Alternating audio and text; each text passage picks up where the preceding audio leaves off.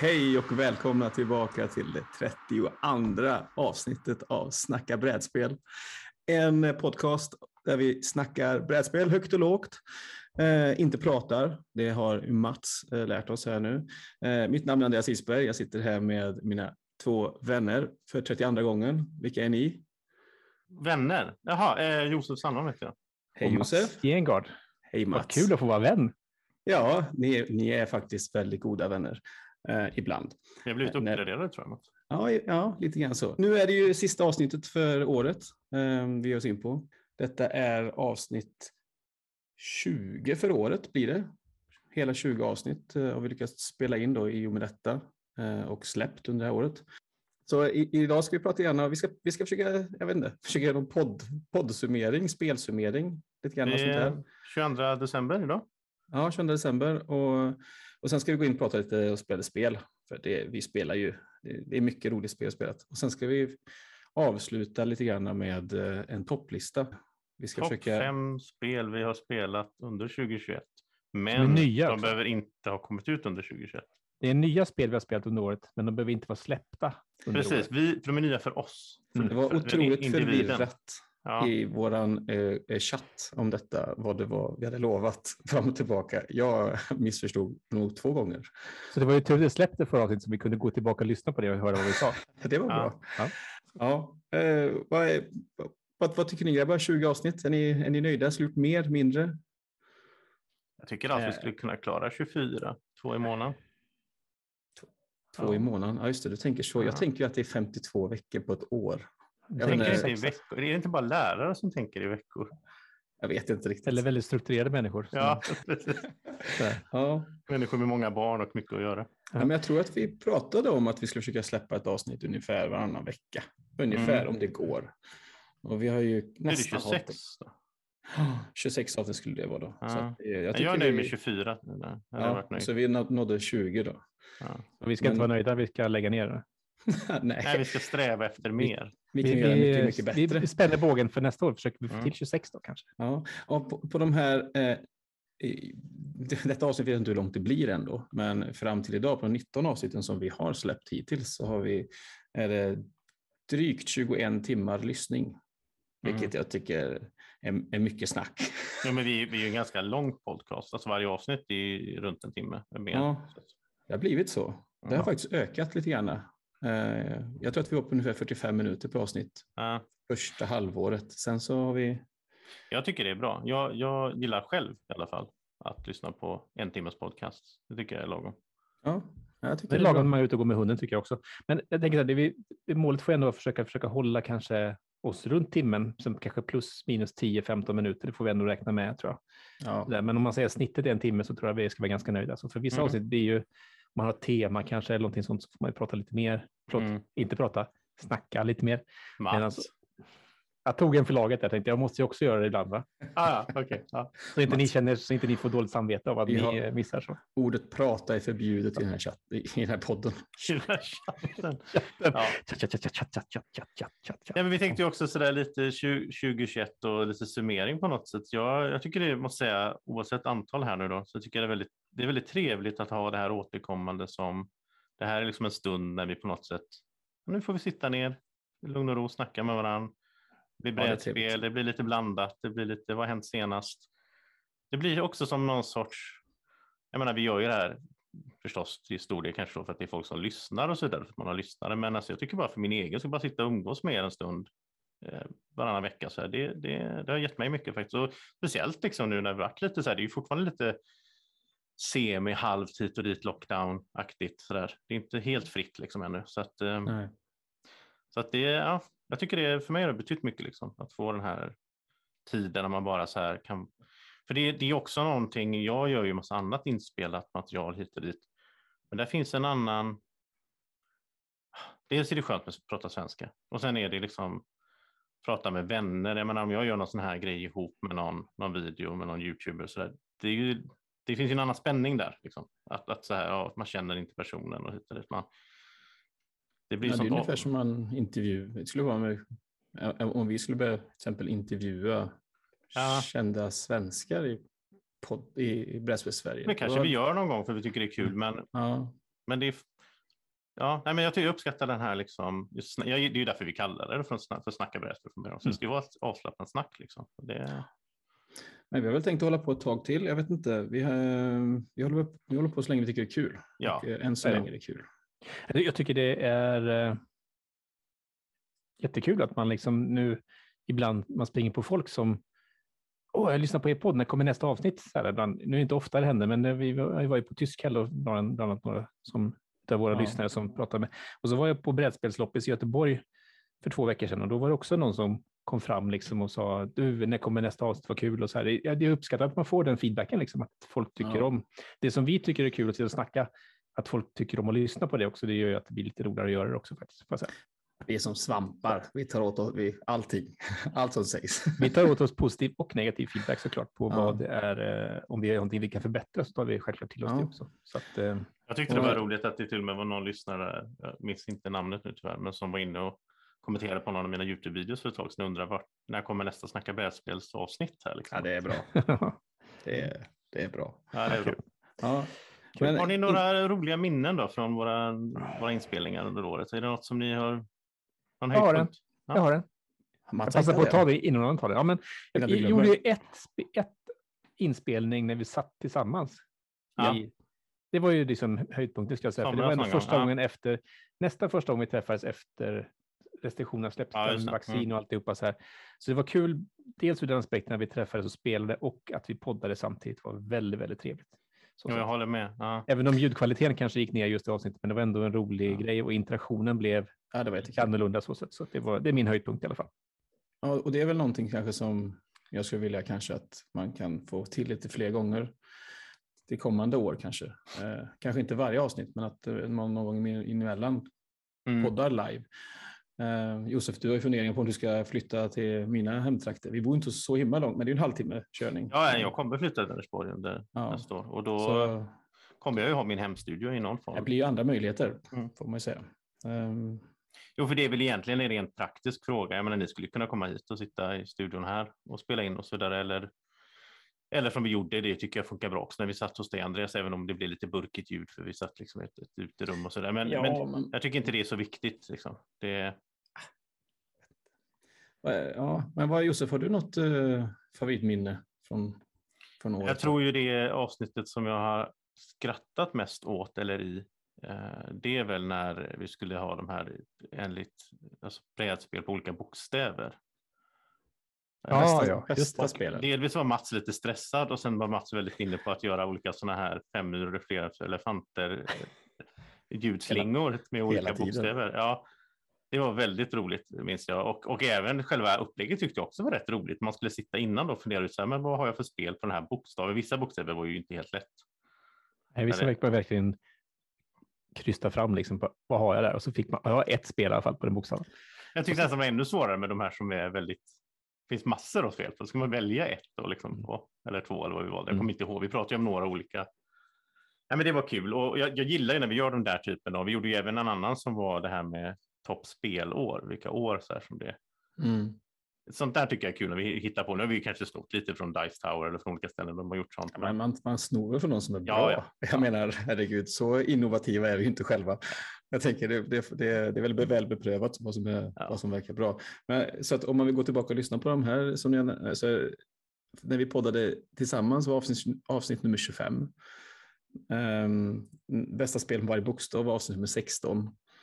Um, sen så Din var det- highlight då Andreas, vad är det då? Ja, jag, funderar på, jag, jag, jag, jag minns att jag tyckte det var väldigt jag det var hysteriskt när vi gick igenom Brädspelsforums ordbok. Det tyckte Just jag det, var, det var också roligt. ja, jag tyckte det var riktigt roligt. Sen om det är mitt bästa minne, men jag vet inte, ni har redan pratat om två andra bra saker så att jag Ja. tänker ta ett tredje då. det är det kul är- när vi gjort lite sådana grejer när det inte bara varit löst snack utan vi faktiskt har haft någon lite tema så. Ja. Ja, precis. Så som jag ville ha det strukturerat och så här från början egentligen. Men Josef sköt ner det. Och sen så är det Josef som driver podden. kan jag berätta för lyssnarna att idag är det jag som har gjort sån här Som- våra liksom försnacksdokument och Du så vidare. är het idag Josef. Jag vet inte vad som hänt. Ja, ja. Eh, Han, har, han har flest spelade spel också, tänkte du på Ja. Andreas? Ja, det, här. jag just det. som hänt. Det är liksom, vi, vi har en revival här. Eller, Ja, det ska vi komma in till snart. Men- ja. Det var avsnitt nummer 18 och jag lyssnat på när vi gick igenom Brädspelsforums ordbok i alla fall. Um, Ja, nej, men det, Mm. jag tänker bara slog mig nu nästa år. Ska vi inte försöka få in lite så här, ranka lite så här designers ranka lite pub, liksom i förlag och så. Mm. Åh, herregud vad Det har vi inte pratat så mycket om. Ja, men Nej, det är Ja, men eh, förlag kan vara kul att göra faktiskt. Ja. Förlag? Vem Ja. bryr sig om förlag? Designers är också en rolig grej. Ja, men det Ja, kan vara väl okej. Men, eh, så. men eh, designers är väl en rolig idé. Det känns väldigt amerikanskt att prata om förlag, eller icke-svenskt i alla fall. Jag vet inte. Eller så är det bara jag som inte... Nu ska vi då inte prata, Andreas. Nej, det jag menar, man pratar, man snackar om det. Förlåt. ding, ding. Andreas, vi ska inte prata i den här podden. Här snackar vi. Det är väldigt mycket brädspelshobby att hålla på med. Jag känner inte till någon. Jag har ändå en svägerska som är förläggare och sådär, alltså i, i, för bokbranschen. Och jag, jag känner inte till, jag tror inte hon och hennes vänner sitter och pratar om olika förlag. Alltså det tror jag är en, jag tror det är en väldigt brädspelsgrej det här att man pratar om vem ger ut spelen och så. där. Det är väldigt viktigt. Va? Men det kan ju vara ändå att de har en form av kvalitet. Alltså, Jo, så är det ju. alltså, det finns ju att, tydliga. Ja, ja. Typ Stonemire till exempel, de är väldigt duktiga på högkvalitativa komponenter och så vidare. Och, och vissa röda linjer. Alltså vissa Mm. förlag ger bara ut en viss typ av Mm. spel och så Mm. vidare. Så, nej, jag vet inte. Något kul hittar vi säkert på när nästa år att prata om. Vi tar ju alltid gärna emot förslag också. Ja, jag tänkte precis eh, säga det. Eh, Vi Om ni, vill, tar- om ni vill höra Mats ranka sina färger i brädspelshyllan, hur många röda och spelboxar har han, hur många gröna och så vidare, kan ni ju skriva in på Här snackas brädspel på Facebook. Ja, ja, precis. Eller om, ni, eller om ni har någon bättre idé så kan ni också Eller om ni har någon eh, bättre idé. kan jag posta också- den med. Ja. Jag, jag tror det blir svårslagen dock, men vi vet inte. Ja. Men nu, nu eh, hintar vi lite grann om att Josef har spelat eh, mest spel Jag har sen spelat sist. mycket nu. Ja. Men Josef har ju väl säkert spelat flest spel i år också? Om vi... Eller? ja, men då är vi inne på det där igen. Att Vi rankar ju lite, eller vi loggar lite olika. Jag har spelat 72 nya spel, för mig alltså. Spel som var nya för mig i år. Men jag skulle väl gissa på att kanske strax under hälften av dem är ju Board Game Arena-spel. Ja, just det. Och då är det inte säkert att ni loggar dem, för ni är, så här, ni är såna här purister, såna här liksom elitister. Och så säger ni måste inte logga när det är på internet. Jo, jag har loggat eh, de spelen i, för poddens skull. För att jag kommer komma ihåg vad. Nej, Vi kom ju också fram till det nyligen. Vi gjorde ju nyligen den här topp 10 spel all time tillsammans, eller topp 25 som vi hade på Youtube. Och då kom, kröp det ju fram att det var många spelare som ni sitter och spelar online. Speciellt Mats, han spelar ju Yukata och allt vad det hette. Mm. Så att den här imagen som ni försöker måla upp av att när vi spelar bara brädspel fysiskt runt bordet tillsammans med andra människor, den är ju liksom falsk. Det är ju... Mats, han har inte släppt det här än. Nej, det här, det här har tydligen satt sig alltså. Ja, riktigt. och det är lite riktigt kul ändå att han tar så illa vid sig liksom. Så att han, att, så det, det här, jag bara myser alltså. Jag bara myser. Ja. Ja, men jag är gl- glad att kunna glädja dig Mats. Det, Ja, men ska vi glida in på lite spel och spel? Ja. Innan det, bara ska bara lite, jag, jag gillar bara, jag, har ju ändå summerat lite saker där. Jag har spelat 39 nya spel. Stå, säger, min, eh, säger min app BG Stats. Alltså nu pratar vi om i år, inte om senast I sen år. förra avsnittet. Nej, det hade varit fantastiskt. Måste bli tydliga, för vi blandar lite. Ja. I år har jag spelat 39 nya Ja. spel. Eh, sen kan det vara att jag har missat att, regga något. Det pratade vi om innan podden. Ja, vi- det händer också. Ja. Men, eh, och sen har jag spelat 134 spel totalt. Varav 77 olika spel. Mm. Men Ja. räknar du med Terra Mystica? Då? Ja, När du det, spelar asynkront? nej, nej det är inte. För då ligger vi nog lika tror jag ungefär. För jag har säkert spelat 134 fysiska spelomgångar i år också. Något sånt. Ja. Sen, har jag, sen har jag spelat kanske 300 gånger. Jag har spelat Terraforming Mars Solo på Steam. Liksom. Men Mm. Nörd. Eh, Jag, jag har ju spelat eh, 101, hund- alltså en liten här 101 olika spel i år Ja, det är bra jobbat Mats. Så. ja. och 62 nya spel. Då.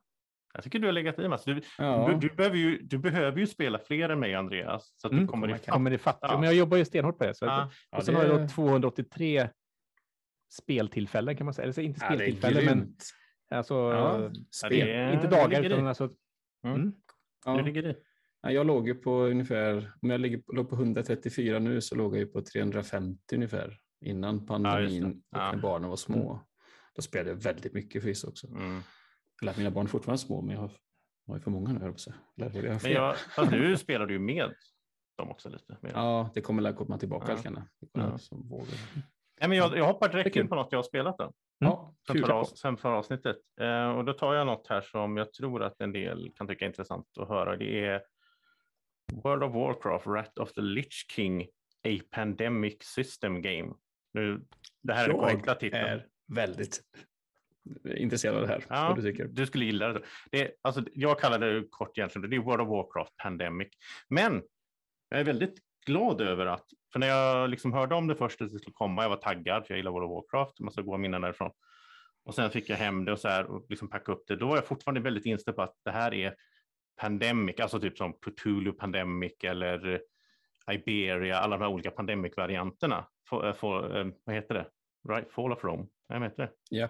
Mm. Ja.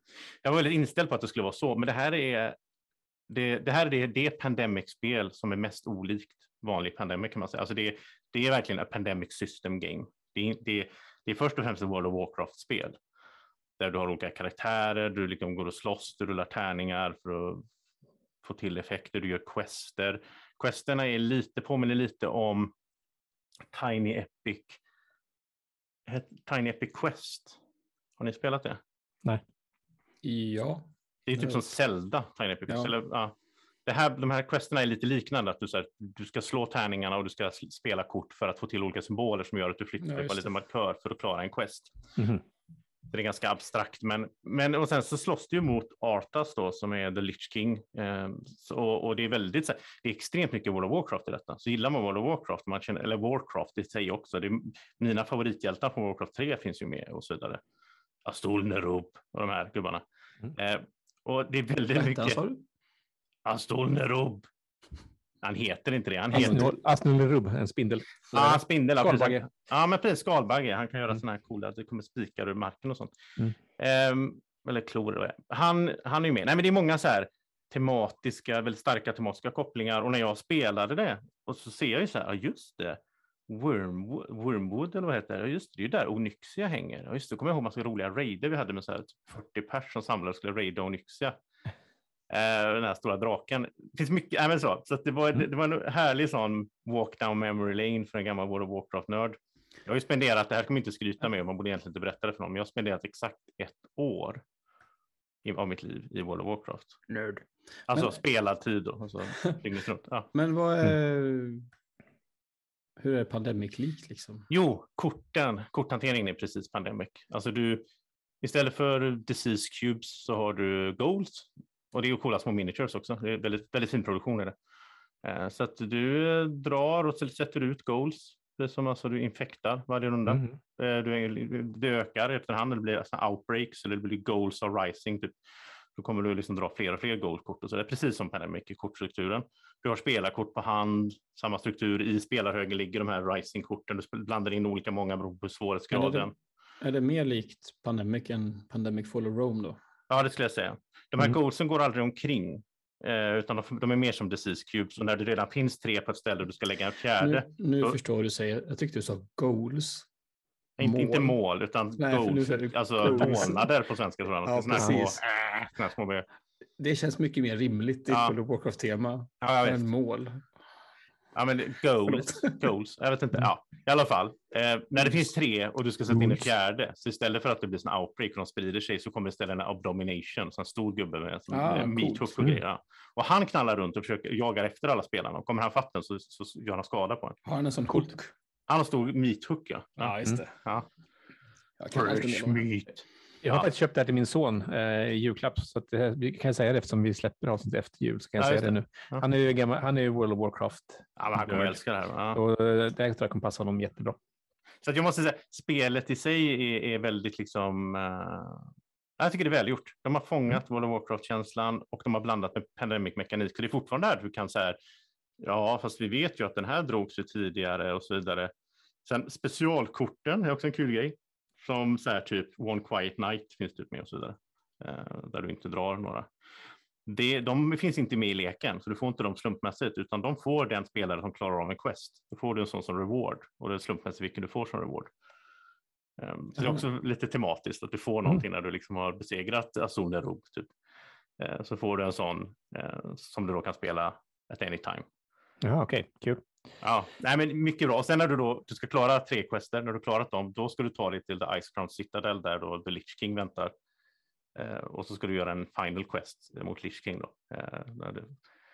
Så det är um, både, både känns både som Pandemic och inte alls som Pandemic i, samtidigt. Eh, Mm. Ja, kul. Jag har ju verkligen testat det. det Jag, jag tar gärna med det och kör ihop med någon gång. Det, Ja, jag har faktiskt packat upp det här spelet, för det var ett spel som spelföreningen fick ja, just det. eh, skänkt. Eh, Har du sett de här miniatures där? De är ju rätt coola. faktiskt. Ja, vad grymt. Jag packade upp allting och såg Ja. till att allting var, så, såg bra ut och allting fanns med och sånt Mm. där. Och puncha och allt sånt där. Var ju, ja, det var, det var coolt var det. Jag har börjat måla lite på dem, men det, det kommer att ta ett tag. Men... Men små? Ehm, Måste... Ja, goalsen är väldigt små. Eh, Mm. Ja. Men jag tänker, jag tar, jag tar över. Jag ska bara säga så här att eh, jag har spelat, jag har bara spelat sex spel sedan vi poddade sist. Ah. Ehm, men nu, Josef hade en regel innan vi startade här nu att man får inte prata om spel som man kommer till nämna. Alltid så här. Josef hade en regel. Jag kommer med så här bra förslag på bra, hur vi ska göra kon, bra Josef- content. Nej, Jo- nej, Josef har en massa regler, det är så jag tolkar det. Så jag, kan, eh, jag får inte nämna två av mina spel för de kommer jag det, nej. Mm. Typ så då. Eh, men jag kan, prata, jag kan välja något av de andra spelen. Eh, så jag har spelat till exempel, eller ska, ska vi köra nu? Vi kör det. Ja. Det kan ju bli... Ja, men vi, vi tar en sågning nu och sen så blir det Ja, gladare jag tyckte senare. inte samma Ja. sak. Jag tänkte så här. Vi, tar, vi, så vi betar igenom det tunga och så går vi in Okej. på det glada sen. Ja, men ska vi ta en sågning nu alltså? Ja, det gör vi. Är Ja, har du motorsågen redo, Mats? Ska vi prata om Beyond the Sun eller vadå? Nej, det andra. Jaha, okej. Oj, Nu, nu, nu fick du till det, Mats. Nu högde han där det kändes Ja, som det var roligt Mats. Ja, det, jag gillar det. Jag visste Ja. att jag skulle få den relationen. Ja. Det jag tänkte prata om är For Sale Autorama som Mats hade med sig eh, hem till oss här i veckan och, och eh, la upp på bordet.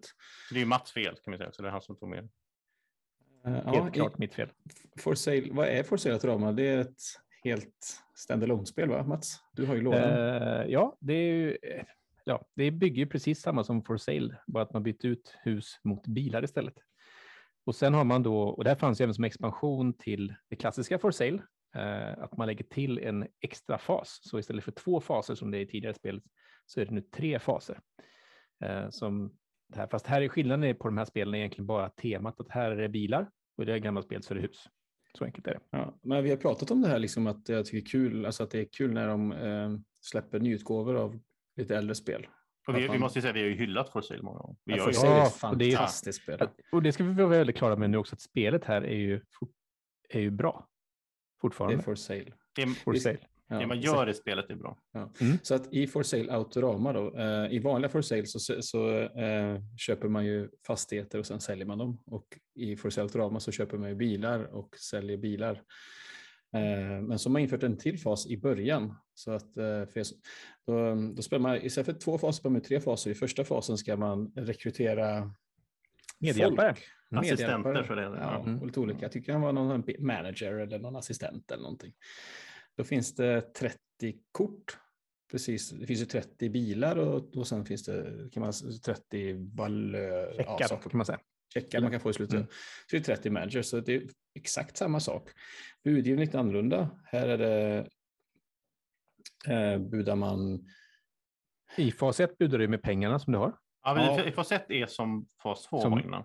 Alltså precis. du budar precis på samma Ja, sätt med Ja, pengar. precis. Man, man lägger upp lika många assistent och managers som, eh, som eh, antal spelare på bordet. Och så en vanlig budgivning. Och så hade vi väl 20 pengar tror jag. Någonting. Det känns som att det var mer pengar nu än Ja, jag tidigare. tror Då har man typ 14 bara. Ja, men med antal spelare tror jag.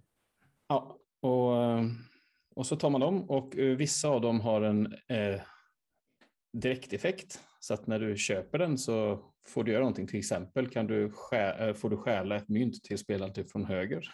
Mm. Eller att när du köper den här eh, assistenten så får du tillbaka alla pengar. Eller om, normalt sett när man, när man skaffar så blir man av med hälften. Då blir man inte av med dem. Då, Mm. och så vidare. Och sen så är det ju vissa andra assistenter som ger väl fördelar under fas 2 eller fas 3 eller när spelet är slut. Så Mm. kan man väl säga. Så, Precis. så, ja, precis. så att när man går in i den vanliga första fasen som är att köpa hus, eller i det här fallet bilar, då kan man även ha med sig assistenter som gör olika specialgrejer. Och det det, finns det, ett- är i sig ju inget fel med. Det var ju... Nej. Assistenterna är viktigt också, för de är ju en viktig del av, de har ju 1 till 30 och det är ju där att du använder assistenterna sen som budgivning i fas 2 nu då, Mm. vilket gör att du alltså så att säga, ju högre nummer desto fort, du får ju välja först då utav bilarna som ligger ute. Så att det är viktigt att det är en grej, Mm. det är ett viktigt moment. Och då kan ju de i så fall i vissa fall också vara någon som man kunde betala pengar för att boosta upp till 33 till exempel, Ja, eller just det. 32, så man kunde komma över även 30 och så vidare. Jag vet inte, vad, vad tyckte vi egentligen om den här andra fasen nu då? Där, för det var ju då en öppen budgivning, som Mats börjar, då lägger Mats ett bud synligt och sen är det min tur, då lägger jag ett synligt och sen Andreas, han ser vad som ligger ute. Vad tyckte ni om det? Ja, man, lägger, man lägger ett bud var i, i Ja, turordning. Mm. Jag tyckte inte det var, alltså, jag ty- tycker det kompletterade bra. Liksom. Jag tycker det är helt okej. Mm. Liksom, det finns ju absoluta fördelar med att gå långt bak Mm. i en sån budgivning. Eh, Och den som vinner blir ju först nästa gång, så att det är också så här, men om du Mm. vinner så får du, det är ju bra att du vann, men då får du andra sidan gå först nästa. Och, ja. ja. Jag tyckte den var intressant. Den, den la till, jag gillar att de har nu de i tre faser, har tre olika sorters budgivningar. Det tycker jag är kul. Så att, Ja, men precis, det krävs nästan, annars blir det lite tråkigt. ja. Ja, och sen, det, det, jag, tyckte, det jag tyckte jag var bra och det var så som du sa, vissa, vissa assistenter aktiverades då så att de ökade värdet på det Mm. på, på, och saker på, på, på bilar och så vidare. Och sen fas 3 när man säljer, då har man ju bilar, då säljer man ju bilar Mm. precis som vanligt. Då Mm. lägger man upp ett kort samtidigt. Men fanns det till Dolt exempel en assistent som var så här att ditt lägsta som du slutar med, du sitter med dina checkar, lägsta checken du har, den är värd 12. ja, men så det, då ja, kan du just ta en nolla för att den är fortfarande värd 12. Mm. Sådär. Just det, det fanns lite sådana saker. Ja. Det, var, det var kul. Och någon assistent som gjorde att du kunde Lägga två bud och så två, välja vilket två du- bilar samtidigt. Ja. Mm. Och sen, välja. så var det lite så här, okej, hur, hur gjorde du Timingen så var lite pillig. Ja, det var Ja. lite, Mm. Otydliga regler. Jag tror det där sätter sig också när man väl eh, har spelat några gånger. Så tror jag att det kommer Ja. gå, kanske ta lite längre tid än normalt, men inte så jättemycket tror jag inte. Mm. Men vad är själva sågningen då? Det har vi bara varit positiva. Så, sågningen är väl ändå, alltså spel tycker jag, jag, jag tycker spelet var jättebra fortsatt. Inget problem, jag spelade jättegärna så som med expansionen. Det fruktansvärda i det här är ju ändå produktionen som det är 2021. Ja. Vilka, jag kommer inte ens ihåg vilka som har gett ut det här spelet nu. Men, men Så arg är du. Rio Grande Games. Nej, Ja. så är vi allihopa. fruktansvärt dålig, alltså när man inte knappt ser siffrorna på korten och det är fruktansvärt dålig grafik alltså. Ja, man, kan väl, man kan väl säga som så här, typ av de tre lekarna med korten, då, så assistenterna som är med, de är okej. De är fu- fula men funktionella. Ja, men det är Mm. okej. Ja. Eh, bilarna, Lek 3, okej, fast jag gillar inte de här checkarna riktigt. fast Nej, men det är gick ju svårt att att läsa på dem. Det är svårt att Ja, se svårt. siffrorna. Ja, svårt att se Så siffrorna. jättesvårt att se Men siffrorna. bi bilarna var som, jag ska beskriva det här då, som att nu, det är en snö, fin, fin snö idag och så går du ut så tar du vit sprayfärg och så skriver du typ 12 på snön och sen går du 100 meter och så, så ska du stå där borta och se vad det står där borta på Mm. den vita texten på den vita snön. Ja. Ungefär så var det. Så var Man det. satt typ en halv meter från kortet. Nu är det ingen av oss heller som är färgblind.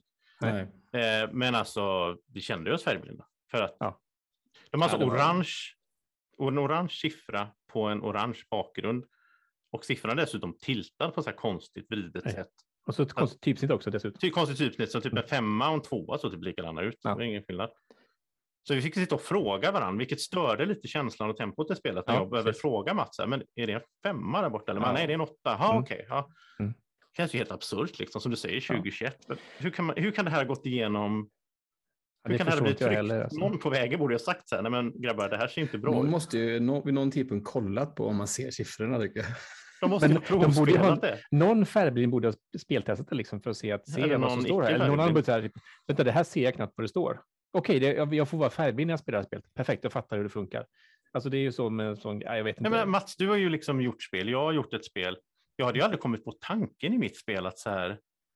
Sätta orange på orange. Ja, jag sätter. Draco mot en orange himmel här bakom som man knappt ser Draco. Det är ju jättekul. Alltså, varför gör man det? Jag förstår Ja. inte. Det är jättekonstigt. Nej, vi kanske inte ska prata så länge om detta. Nej.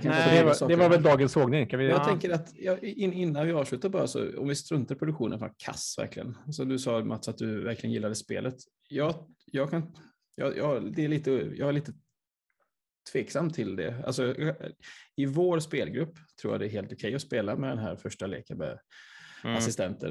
Eh, det är en del, det var ett gäng unika, det var, all, det var inte 30 unika, det var kanske 10 unika. Kan det ha varit så kanske, Mm. åt, åt det hållet.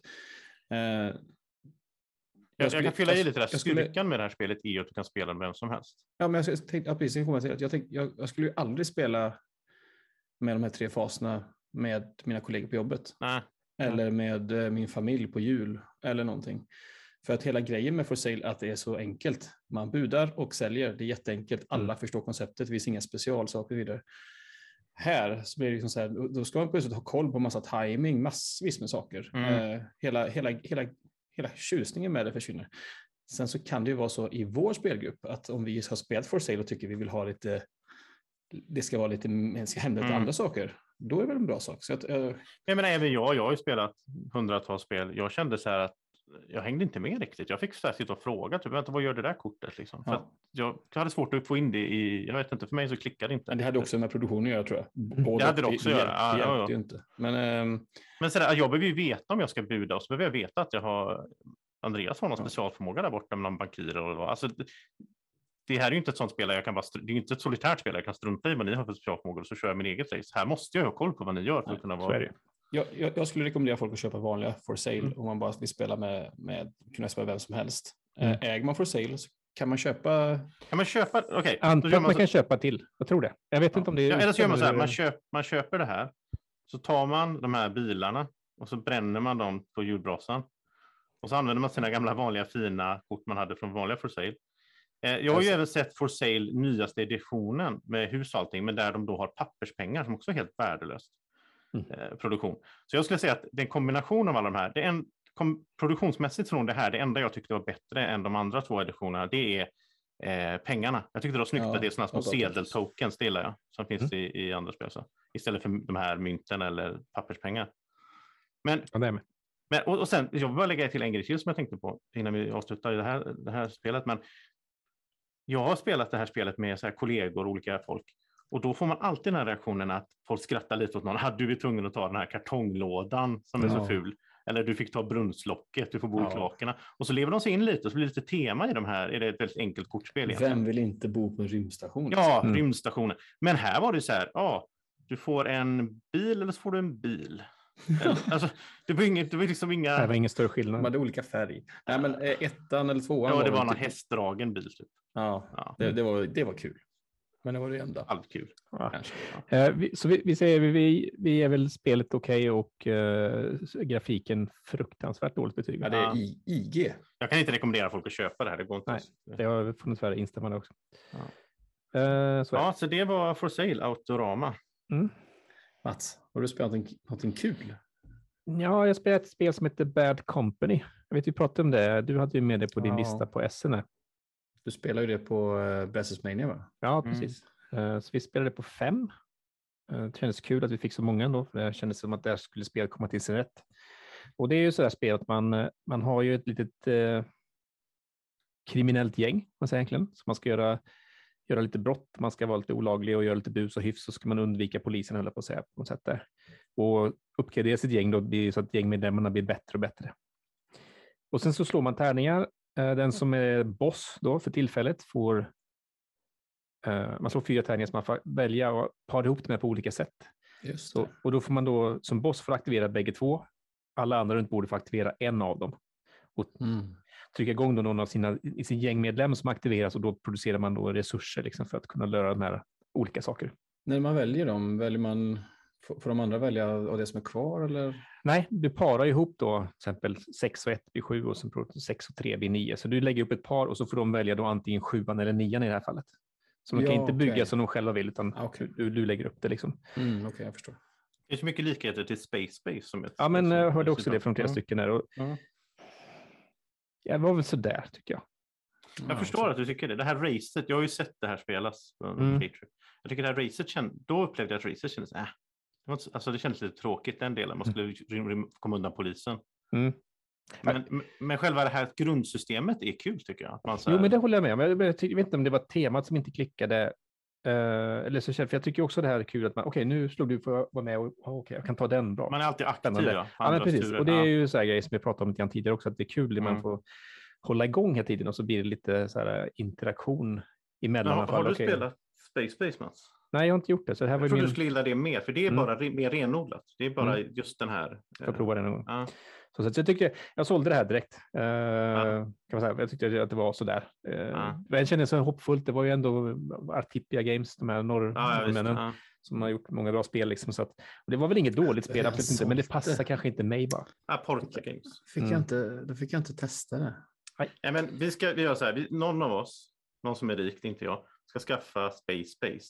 För jag har sålt mitt eh, för flera år sedan. Jag spelade med Emily. Någon ska skaffa det. Ja, men jag har inte råd att köpa spel, det får någon av er göra. Eh, Mats köper alltså massa spel. Ja, ja, jag kan Eh, köpa det.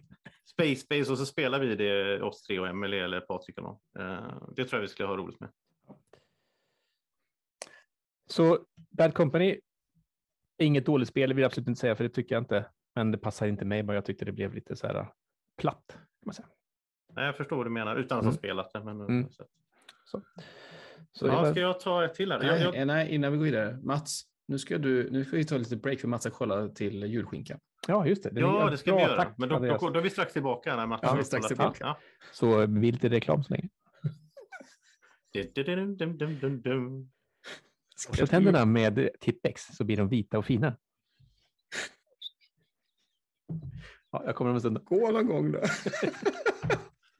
Ja, nu har vi tittat till eh, Mats skinka här. Vi har inte Mats har gjort det. Och Det den var tydligen okej. Den Mm. var kvar. Ja. I- Josef, innan bara så här, någon, någon sa att nu blir det reklam, var det Mats som sa det? Jag tänkte på så här, nu blir det bioreklam, så vart det en sån cool så här, och nu blir det poddreklam. Och så skulle det varit sån cool reklam som man har med på bio, Ja, fast för poddar. är det cool reklam på bio? Fin, finns det? Ja, det finns det det är ju det, hela, det är halva grejen att gå på bio, är att gå och Ja. kolla på reklam. Eh, ja, Med det men sagt, med det sagt så har jag spelat ett annat spel här nu det senaste. Och eftersom vi nu är i en svensk eh, podcast och vi snackar på svenska så tänkte jag nämna Mio-brädspelet. Kul. Från Eloso förlag som är Astrid Lindgrens klassiska saga som är i brädspelsform. Jag måste säga att börja med att jag, jag hade en konstig uppväxt för jag har inte riktigt Mio var aldrig riktigt med i min uppväxt. Jag vet faktiskt inte riktigt varför. Vi hade Pippi och Emil och alla de här, men Mio ja, samma här. Jag var Bröderna Lejonhjärta själv. Alltså, så att Jag, bl- Mm. ja, och Bröderna Lejonhjärta, jag blandar alltid ihop Bröderna Lejonhjärta med Mio och min Mio. Jag jag läste Mio, min Mio vet jag. eh, I alla fall så jag har läst den, men jag, jag kan Mm, inte säkert komma ihåg så mycket förutom att det var typ slåss mot Kato på något sätt. Ja, något just det. Lilla Kato. Han, Det är det han har jag mest ihåg. relation till via Lars Winnerbäcks texter. Ja, Lilla Kato och det- som och det en här- symbol för kapitalismen. Ja, jag, och jag vet, det finns en talisman av eh, Stephen King som är Ja. snarlik Ja, egentligen, så här, väldigt lik i... Ja, och jag kände lite, det här brädspelet då, det, det är ju också lite så här i viss mån, jag vet inte Björn Flintberg där som gjort det, jag tror att han lite har varit inspirerad av Lord of the Rings, The Board Game, som kom i början på 2000-talet, som är att man ska förflytta som en karta med Frodo och överkomma olika hinder för att komma till Mount Doom och slänga i ringen. Men även själva sagan i sig är ju lite sån. Mio Mm. tar sig fram mot Lilla Katos borg eh, och han har så hjälp av sina vänner och hästen Millimani och så vidare. Och och spelet är lite sånt, det är väldigt klassiskt känsla. Jag fick en väldigt klassisk familjebrädspelskänsla. Vem är det som har släppt det? Är det Alga? Eloso förlag, Jaha. så att det är inte Alga. Eh, och ehm, och ja, jag, jag blev väldigt positivt, inte överraskad därför att jag hade ändå ett visst förtroende. Jag har ju träffat Björn och sådär på Gotcon och sådär. Och jag vet ju att de ändå har ett liksom visst, ja det är inte Alga liksom, utan det här är ju brädspelsfolk på ett annat sätt. Eh, Så att, så att själva spelmekaniken var rätt så kul. Man eh, utmanande co-op-spel, liksom. man, man samlar på sig skyddssymboler som man sen då spenderar för att överkomma Ja, det hinder. är co-op. Det är co-op, alla ska hjälpa Mio att ta sig fram. Då. Så man har bara en spelpjäs och sen så spelar man kort. Alla, eller, inte, nej, man spelar inte kort, man, man spelar... Man använder tokens på sitt, och så specialförmågor. Eh, Mm. Och, och sen så får man kort ibland. Man får ibland olika specialkort då när man Mio stannar på vissa platser. Då man kan få gåvor. Och sen kommer man till slutet och det är lite som en slutstrid. Det blir en annan mekanik. Påminner lite om Sanctum faktiskt. När man liksom först tar sig fram på den här och sen i Ja, slutet det. är det en strid. Så här, eh, jag bara positivt att säga om spelet. Jag, det är ju inget spel som, jag menar jag har sålt mitt redan, eh, mitt exemplar. Mm. Eh, det är ju inget som jag kommer att sitta och spela, vi kommer att sitta och spela, men med barn och familjer och folk som inte är så vana vid brädspel. Perfekt liksom instegsspel eller vad man ska kalla Ja, det. då. kul. Att Ja. alltså, för det här kommer ju gissningsvis letas in i vanliga Ja, men jag tror det här kan hamna på liksom bokmässan och sådana här saker som liksom är Ja, men det känns som att det är givet att det är det nästan. Och, det, och, och då är det väldigt kul att det är ett, att det, att det verkar vara ett bra spel också. Ja, precis. Och det, och det var till och med så, så, så att det tyckte jag var lite charmigt eller lite kul som brädspelare att i regelboken så står det att tärningen som följer med använder ni inte för att slå hur många steg Mio går. Står det uttryckligen. Ja. För att den riktar sig till folk som är vana vid att spel funkar så. Mm. Utan eh, Mio går sina steg genom handlingar man väljer att göra. Lite pandemic-aktigt också. Du har tre handlingar på din tur. Du kan välja hur du vill spendera det låter jättebra verkligen. Eh, kul. Så det är jätteroligt och ja, jag har gjort en video på det om man är sugen på att se mer. En video på svenska. Också väldigt kul för mig att få göra emellanåt. Att ha en anledning att göra en video på svenska. Så jag Ja, precis. Ja, spännande. Så det var. Mio-brädspelet. Mats, Kul. vill du ta något mer på en, eh, från listan innan vi går in på det andra? Nej. Mats, du har, spelat, har inte du spelat Dinosaur Tea Party? Nej tack, lov. Just det, vi du var passar, inte vi passar ju med. på att göra det när jag inte var med. Ja, ja, jag, Mats jag, var inte med jag- när vi spelade. jag kan ju passa på att tacka er så här offentligt då, att, för att jag, jag slapp spela den. när- Ja, Vad synd du att du missade det, Mats. så. Ja. Ska vi prata om Dinosaur Tea Party lite snabbt Josef? Vi måste göra det. Det var ju en Ja. underbar upplevelse. Ja, Det kunde ni gjort när jag var gick och tog och kollade skinkan. Ju. Ja, det gjorde vi faktiskt. Två, ja, Ja, Ja. Ja, kör på. Vi övade inför det här. Mm. Det är Jättemysigt. jag, jag, alltså, det var riktig glädje var det. Och, och Patrik tyckte det här var väldigt roligt också tror jag. ja, vi var ju fyra som spelade. Men Och Emily. Emily var med. Och, och Emily var ju bra på det här. Så att hon, det blir ju sådana intressant meta som uppstod halvvägs genom spelet. Där vi började inse att så här, men jag kan inte ge en ledtråd. Emily satt efter mig. Jag, Men jag om, försökte ju liksom få er att förstå att ni kan ju inte spela spel som ni gör nu. För att då, då, då, då vinner ju nästa spel om ni gör fel. precis. Ja, Så det börjar, spelet handlar om att alltså, man är olika dinosaurier. Det är som vem det är. Multiplayer, vem det är. Mer än två, liksom. man ska lista ut vem som är vem av ett gäng och dinosaurierna dinosaurier. är på ett te- tea party. Ja, de- det är fantastiskt. Och så ställer man en fråga typ så här. Josef, har du glasögon på dig? Och då svarar är jag ja. en av dinosaurierna så att säga som ligger ute tydligt. Mm. Det är bara jag som vet vem jag är just nu. Eh, Och, Och då måste man svara ärligt. Och det är ju det som är grejen. Det är därför jag, liksom, Mats har missförstått det här. Det är ju ingen social. Det finns, man får inte ljuga i spelet. Om du Jo, inte men om inte, det Sebastian. finns ju en som är en... Jo, en som ljuger hela tiden. Men Ja. Patrik fick, fick ju den som sa nej hela tiden. Jag tyckte han var jätteroligt. Det såg man på honom. Att liksom, nu har han den. För att, Han sa så här, Ja. nej, ja, precis så. Ja, jag tyckte det var jättekul att få den. Ja, det finns ju det var säkert ett episkt poddögonblick där när jag sitter och skrattar tyst. Och man Nej, Ja, men det tyckte jag var bra. Ja, jag det var- hörde det. Jag hörde. Nej, men eh, Underbart mycket, spel. Mycket av skärmen eh, består ju, eller be- beror, beror ju på att det finns tre av dinosaurierna har ju sådana traits som inte pratar sanning. De har typ, en, en säger alltid nej, en, en måste växla och en ljuger alltid. Och det är ju att man inte kan lista ut det helt. Då. Men eh, så spelet gick ju från att vara det lite gulligt till ett spel där man behöver ta ansvar. Så att inte nästa Ja. spelare vinner. Det var så här, jag liksom för, övertalade Jag, Patrik. lä- ja, men så här, jag lät ju dig typ få en vinst för att, in, för Ja. det var det bästa just då för Ja, mig. först, först Ja. till två sockerbitar är det ju. Det.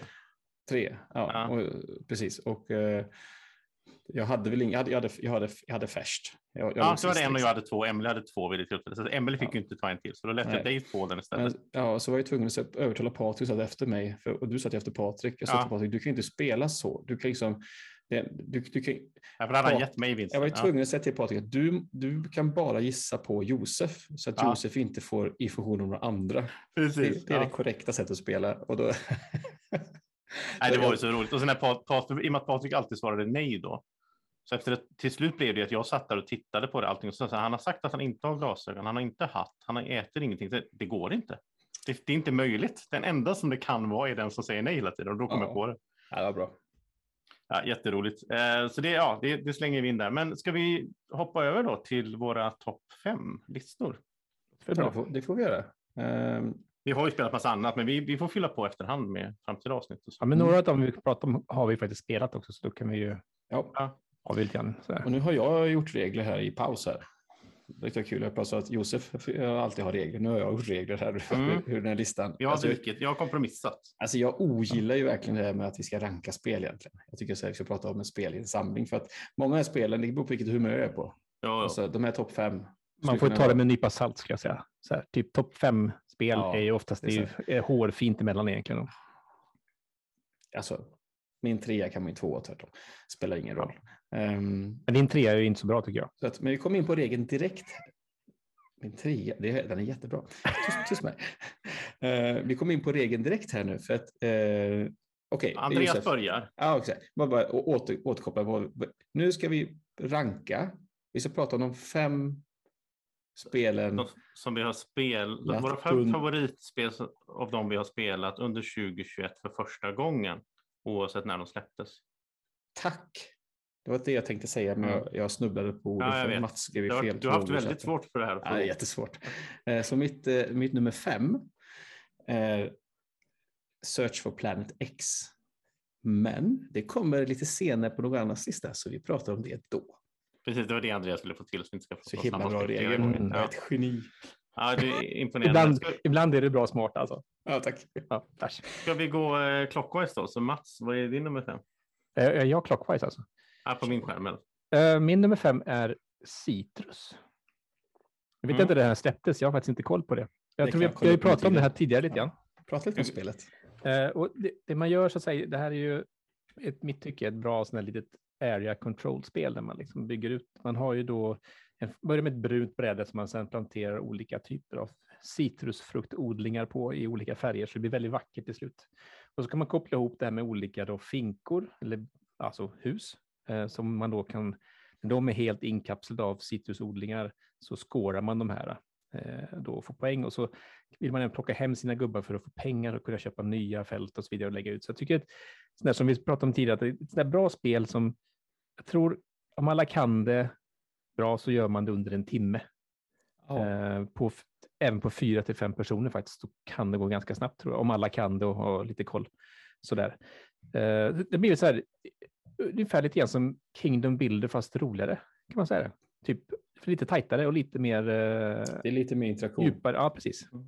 Än vad det är Och Kingdom Det, det här listan blir intressant, för både jag och Andreas har ju spelat där, men det har ju inte spelat för första gången i år, så det kunde du inte vara med på. Nej, det, är precis. Det, var inte, det kvalar inte in. Jag tror det jag är- spelade det här 2017 eller något. Ja, precis. Ja. Det här tycker jag var det som var det roliga just med att komma på den här listan, att man ändå blir Mm. lite spel som kanske inte har publicerats i år. Eller det är så här, Som inte blir samma. nämnda annars. Mm. Ja, precis. Ja. Jag tycker det är jättebra om citrus. eh, Mm. Och jag har verkligen fått, eh, det känns som att jag återupptäckte ihop. Med, med spelägget igen. Lite Mm. grann. Och det är jättekul att kunna, kunna göra det för att det här är ett av mina, eh, av Emelies favoritspel. Mm. Absolut. Och väldigt kul att vi kommer, återkommer till det spelet. Ja, men Eh, precis. 2013 var det släppt. Okej, Mm, alltså det var ju nästan ja, nio, åtta år sedan. Ja. Inte purfärskt Undrar, undrar om det är det äldsta spelet på listan. Det lär vi märka sen när vi Det kanske det är. Kanske, kanske. Ja. Vi får se. Så det var Citrus. Ja. Min, min eh, nummer fem här är ett spel jag inte har spelat speciellt mycket alls, men jag skulle vilja spela det mer, men det har varit lite svårt att få till, jag vet inte. Men det är Nemesis som kom kanske 2017 eller något jag skulle gissa på. 2018. 2018, ja. Eh, och det är ju liksom, egentligen är det ju Alien, eller Alien, oh, Aliens, the board game, fast det är väl någon sån här IP-grej så att de fick inte kalla det det. Så det Är det co-op detta eller? Kommer inte ihåg. det, ja, I grunden är det co-op, men man kan spela en variant där en spelare är förrädare. Eh, och det hjälper Aliens. Mats favoritsätt att spela spel. Ja. Va? Nej, jag gillar inte semi-coop, så jag skulle aldrig spela det så tror jag. Men, men jag tycker det är som coop-spel jättekul. Det är, man, går runt, man, man vaknar, spelet börjar alltid med, eller jag tror alltid, det finns ett nytt variant som heter Lockdown som kom förra året tror jag. Men i grundnemesis som jag spelat då, så vaknar alla ur cryo sleep. Man har varit nedsövd. Och eh, då upptäcker man att skeppet är tomt, det är massa delar av skeppet som är trasiga och så vidare. Det ligger en död kropp inne i rummet, i, rummet där alla sover. Eh, och vi vet inte var skeppet är på väg och vi vet inte om motorerna funkar som de ska. Så man måste ta sig, och då gör man handlingar ungefär som i Pandemic, du har listat handlingar på din tur. Eh, då behöver man ta sig till, någon behöver ta sig till motorrummet för att se så att motorerna funkar. Någon behöver ta sig till cockpiten för att se att vi är på väg till jorden. Det, det är ju det vi vill då.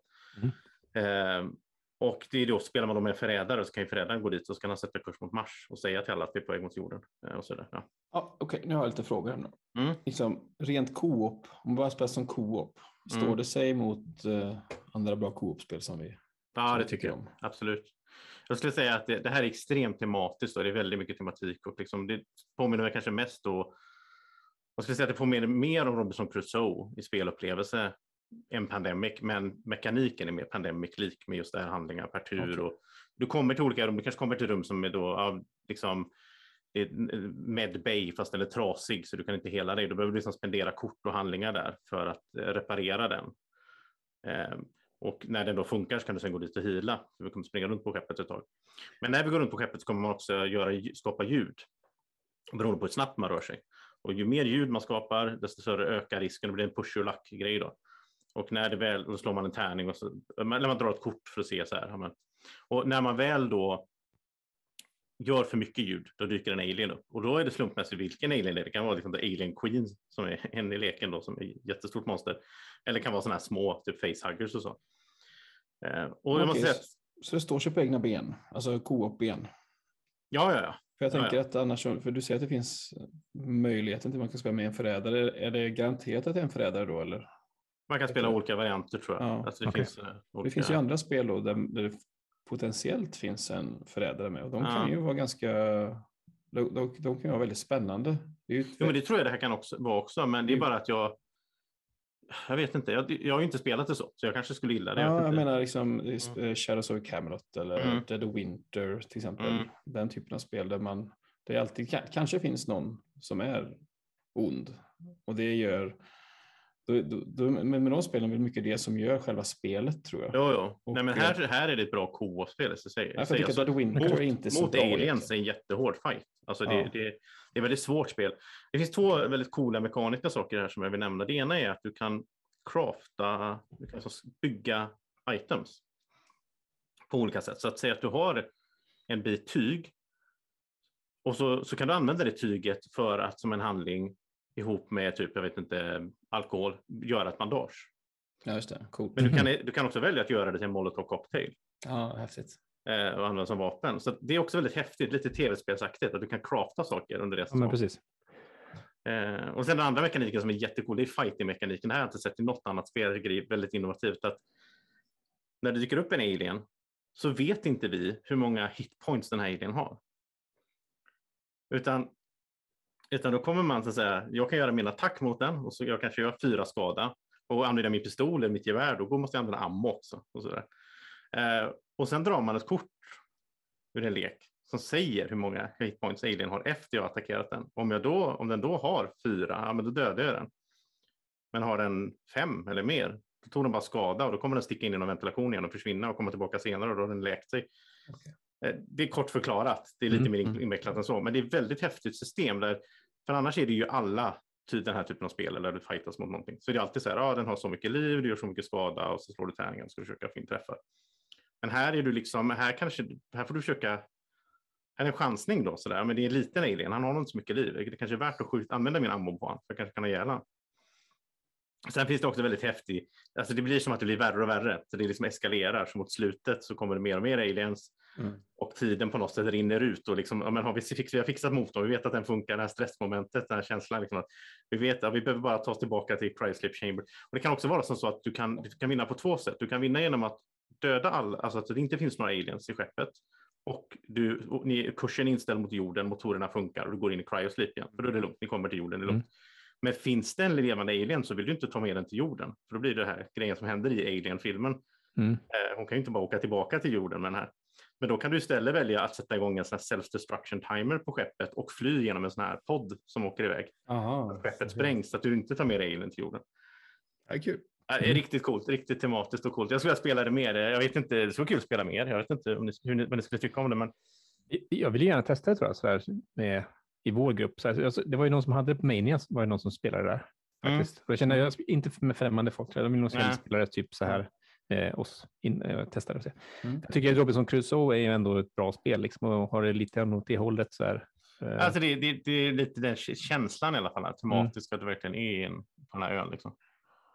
Så. Ja, nej, men jättebra, jättebra spel som jag vill spela Mm. mer av. Nemesis. Ja, då går vi vidare på nummer fyra. Mm. Mitt fjärde eh, spel. Är det nu du ska basha honom här Mats?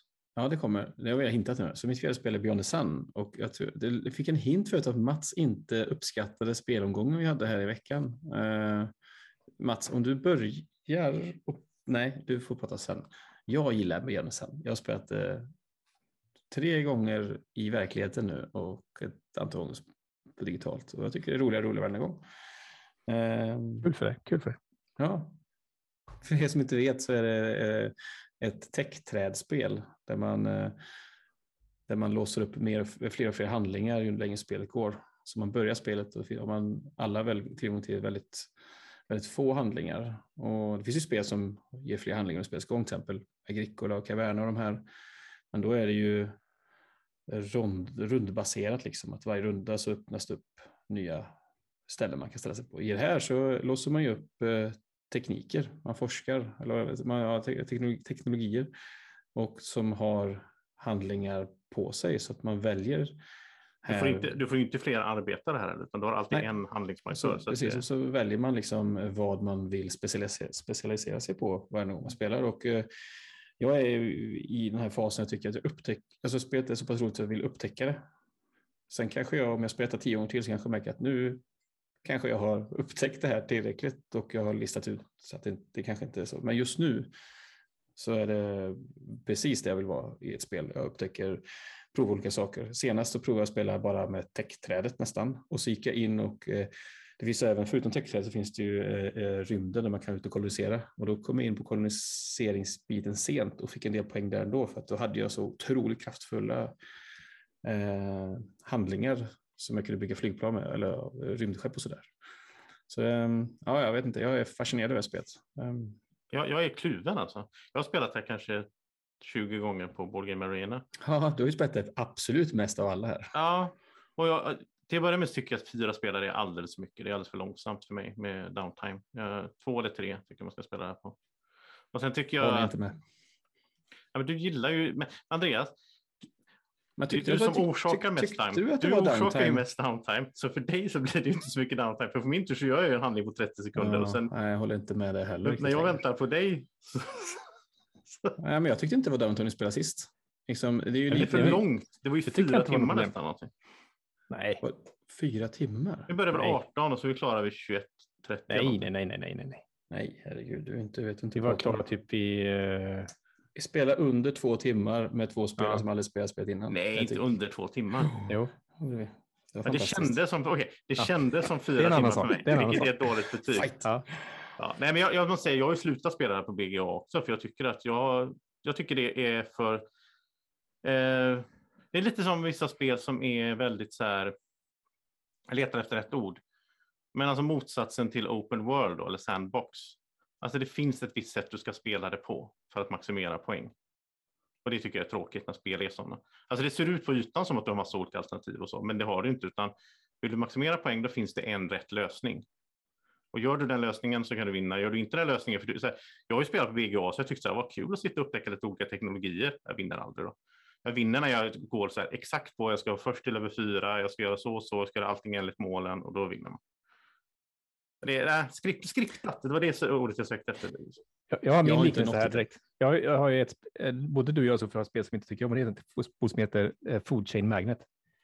Ja, precis samma vibbar här också. Mm. Du måste göra samma sak i början av varje spel. Det, Varför annars, då? Ja, men det, du måste täcka. Nej, du måste inte. Jo, för, att du ska vinna. För att du ska vinna. Ja, men nu, alltså. För att du ska vinna så måste du... Det här är inte mot dig personligen, Andreas. Nej, nej, nej. nej jag, håller inte, jag, håller inte, jag vet inte hur, man, hur du kan säga att, man, att, att, det, att det är skriptat du spelat det en gång. Det ju... Jag säger att det är skriptat. Nej, men det, det märktes ju med en gång att om man inte täcker det så hamnar man ju efter direkt. Och det tar lång, jättelång tid att komma tillbaka i spelet. Ja. Det är ungefär som att du tar fel första val på Food Chain Magnet. Du kan inte komma tillbaka i spelet. Okej, okay, jag, jag, jag håller inte riktigt med Mats om att det är så skriptat, men Däremot, det är åt det hållet, men inte riktigt. Det är åt det, det hållet. Och det finns, det finns också ett stort, jag tycker det finns ett väldigt stort, jag har spelat ganska mycket på två och då finns det ett annat problem att det är väldigt svårt att komma ifatt. Det är väldigt tydligt att någon leder stort och det är svårt att komma. Det finns, det finns väldigt få mekaniker i spelet som gör att det finns möjlighet att komma ifatt. Om man tänker på massa andra spel, jag vet inte, alla möjliga av våra favoritspel, så går det ofta att komma ifatt i spel. Alltså det finns sätt att se, trycka sent och så vidare. Det här är så strukturerat på grund av det här tech treat så att det går liksom inte att rycka. Jag kan inte bara, ja, jag hoppar in och drar en fyra här i slutet. Jag måste ha liksom ettan, tvåa, två tvåor, två tre. Det är så strukturerat så att det är svårt jag har liksom... ingen fyra när vi spelar nu. Fyra, tech fyra exempel. Nej, men, den är ju bara en game i stort sett. Men jag tänker så här, typ, jag satsar ju på att kolonisera det i början. Liksom där. Mycket skepp. Och så sitter du bara och lökar upp då massa level 4 skepp i deep space. Och sen så bara, jätteskoj. Vi får enas men... om att vi inte är eniga. Inte eniga om det spelet, men du, får, alltså, du får gärna gilla det Andreas. Det är absolut inte så att jag hackar på jag dig. eller på spelet. det jättemycket. Jag kommer nog gilla det ännu mer nu. Ja. Du kommer inte få mig att spela det igen dock. jag har motvalls. Nej, jag vet inte, jag, jag, jag är sådär, jag är som sagt kluven. Jag kan tänka mig att spela det här någon gång ibland. Men det är också ett problem med det här spelet. Om jag ska spela det någon gång ibland så kommer jag varje gång sitta och känna att jag har så svårt att få överblick och det händer så mycket. Jag vet inte, jag har inte koll på grejer. jag skulle behöva spela det som jag gjorde på BGA ett tag, och spela det om och om igen så man känner igen korten, så man vet liksom, Mm. för då får man ett flyt i spelet och då, det liksom, då, då är inte downtime ett problem längre på det sättet. Men nu kände jag så här, vad ska jag göra på min tur? Jag har ingen aning. Det finns liksom 14 ställen att välja på och alltså jag känner mig lost liksom. Jag, jag har ingen kul upplevelse under tiden. Så ehm, Ja, nej. jag, förstår inte hur du hamnade i det läget. Jag har spelat spelet mycket färre gånger. Jag tyckte ändå liksom, jag hade ju mest handlingar. Jag tyckte ändå att få bättre överblick på BGA du kan hålla musen över grejer och se vad de gör. ja, ja, du satt upp, du satt upp, ni hade korten upp och ner kanske därför. Då. Ja, det Helt också. ärligt, men, eh. ja. Men mycket det här, alltså, jag hade ju velat egentligen när vi spelade nu senast, jag hade egentligen velat ta kort så här och så sitta och läsa dem och sen lägga tillbaka dem och hålla på.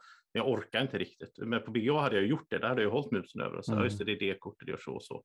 Och där är, det är lättare att forma, för min hjärna funkar så i alla fall, det är lättare för mig att forma en väg framåt. Så jag vill göra det och sen det och sen det och sen det, om jag har allting framför mig tydligt så. Mm. När jag har det liksom utspritt och jag var långt ifrån den här rymdrutan också då, det blev lite, man fick liksom be Mats, kan du flytta min plupp där borta? Det tappar Ja, lite. ja det, men det har vi pratat om att det är lite, Mm. det är lite stort och så vidare. Vi får se om ett år om jag, om jag tycker att det är skriptat. Då. Men jag Du kan får bara, tycka, först, jag du kan får bara först, tycka om det. Ja, du får jättegärna tycka. Jag vill bara förstärka typ, det är min känsla. För både du och jag- Patrik, ni hade 65-68 poäng. Josef hade 44, jag hade 36 eller någonting. Och det tycker jag är lite för, det blir för stor skillnad liksom. Och det blir för tydligt att både du och Patrik gick på tech i början. Medan jag och Josef gjorde på kolonisering. Och det tycker jag blir så här att då gjorde vi uppenbarligen fel val, för vi kunde inte komma ifatt sen. Även fast vi gick i en annan håll. Så vi, ja, jag vet inte, det är min åsikt i alla fall. Ska vi hoppa över till eh, något som eh, så And- Andreas får återhämta sig lite här. Ja, nu han ser jag får ju helt upp. Nu han kommer här. snart kommer han rage-quitta här snart. Jag håller ju inte med om att man kan uttala sig så om man spelar spelet en gång. Ja, men Så det var det, jag spelade Food Chain Mag en gång också. Precis samma sak, att känslan var precis samma här. Jag hamnade Mm. efter direkt från början och så satt de bara så här, "Ja, kul, vad ska jag göra nu då? Det spelar ingen roll vad jag gör för jag kommer inte komma fatt ändå. Jag vet ju spel som du har dissat efter den spelningen. Andreas. Absolut. Spel som är dåliga, som jag vet. Dålig. Ja, ja, det här är inget dåligt spel, förlåt, det är jag som spelar fel. Mm. Det är liksom, Okej. det är när jag tycker något är dåligt, då är det ju dåligt. Jag Ja, tycker ja, det är bra, så är så det. är det det är bra. sant. Ja, Punkt. så. Ja, så jag tar Men- tillbaka allting jag sagt. Jag är, inte så jätte, jag är inte så jätteförtjust i ert kommande spel nu. Ska jag sitta också och bara negga det? Nej, Ja, det jag, ska, jag ska faktiskt, vara, jag ska Men faktiskt låta er. Lägga, jag måste ju få snacka jag också och säga vad jag tycker. Nej, nej, nej. Nummer fyra för mig och Mats är Vi samma spel. nästa gång. Ja, Så då tycker jag att vi ehm, pratar om det samtidigt Mats. det kan vi göra. Du kan säga vad det heter så kan jag säga något sen. Det heter Dune Imperium. Det är ett eh, worker placement slash deckbuilding-spel. Eh, som Andreas bara har spelat en gång. Så där är Mm, Jag vi tyckte det var helt okej. Men där skulle du inte negga. Nej, jag tycker det är Nej. okej. Ja, jag tycker att Imperium också är helt okej. Eh, men sen så tycker jag det finns vissa saker i det som är briljanta. Så att på det totalen så blir det ett väldigt bra spel. Vissa, jag tycker i grunden, worker placement-delen är väl min minst favorit, kan man säga så? Den är ganska så här.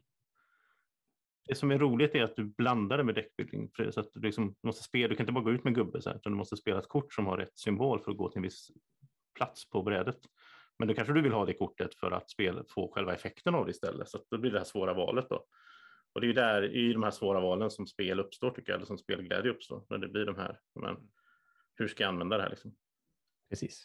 Jag, jag tycker det här också som, jag gillar, jag gillar worker placement-delen i det, jag gillar deckbuildingen i det. Tycker om, framförallt att man kan skapa synergier Ja, genom att, genom att Ja. satsa på Bene Gesserit till exempel, Mm. eller på eh, ta mer, ja, någon annan. Att man kan komba korten sen, man bygger upp leken så kan man komba ihop dem sen och få synergier på det liksom. Ja, men det är ju så många alltså, andra spel, alltså Hero Realms, Legendary Encounters, uh, Clank har det till och med Mm. också. Det Ja, precis. och du spelar du flera kort av viss sort och så vidare så, så kan de Det komma är med varandra. väldigt mycket synergi i det här spelet. Det är mycket synergier, ja. Och eh, väldigt svårt som nybörjare spela det här spelet.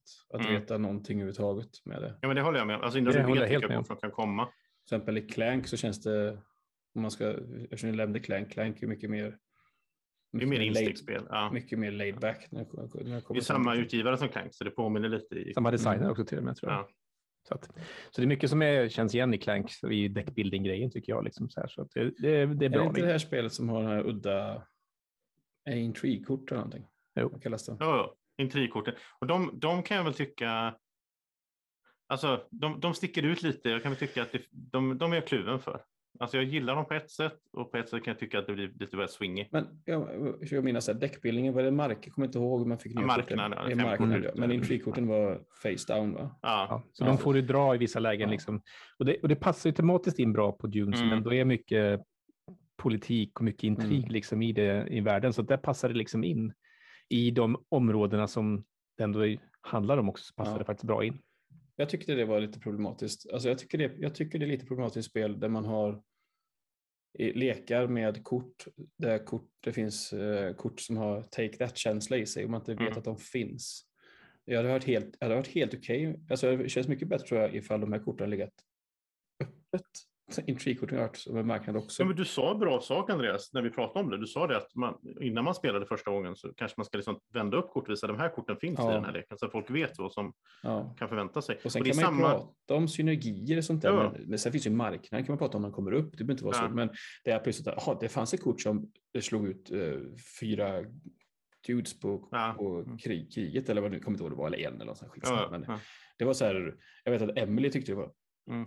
hon, hon, hon, hon höll ju på att göra rage quit när jag spelade kort och hon, hennes enda soldat dog eller var, hon fick Mm. inte någonting. Det, Jo, men det, det är ju så många spel man spelar första gången, men det var också så här, jag, berätt, jag lärde ut det här om jag minns rätt. Jag kanske inte var så tydlig med det, men det är också som så när du, du sparar kort på hand för att få använda förmågorna i slutet av din runda. Och en av de förmågorna kan vara svärd, och så att du förstärker din styrka. Men för att få göra det så måste du ha minst en trupp En ute. Ja. Och, och när det då hände att Emelies trupp blev förstörd och plötsligt fick hon inte ens använda sina svärd. Alltså det blir väldigt hårt för att hon kanske inte hade, jag vet inte om jag var otydlig med det, men Nej, men jag tror att du som säger kanske att nu, det kanske lärde dig när du förklarar spelet för andra så kommer du säkert bära med dig att de här sakerna är bra att nämna och trycka. jag hade ju bara spelat spelet en gång innan också. Så Ja, att jag, ja, men, ja, men ja. precis. Det, då kommer man trycka, trycka på jag hade inte riktigt koll på vad det fanns heller. Sen, sen, sen märkte, för det märkte nu, Mats och jag spelade här eh, på Berättelsesmania ihop. Mm. Och då hade jag ju, vid det här laget har jag spelat solo väldigt mycket också. Så, här, så att nu har jag ganska bra koll på leken. Så att när, när Mats, typ, jag vet så här, Mats sitter med tre intrigkort och jag vet att jag kan trigga så här, två poäng för det är första tio som vinner. Så ser jag så här att Mats har massa spice där borta. Då vet jag så här, det finns kort i där som han betalar fem spice får han en poäng bara. Så att jag vet att Mats kanske kan rycka på det sättet. Så det är också så här att känna till leken. Det är Ja. inte bara att han kan göra negativa grejer mot mig, det är att han kan rycka poängmässigt också. Ja. Och då blir min timing helt annorlunda. Då behöver jag göra handlingar så att jag, jag kanske inte kan räkna med att jag kommer till 10 och så vinner jag, för Mats kanske kommer till 11.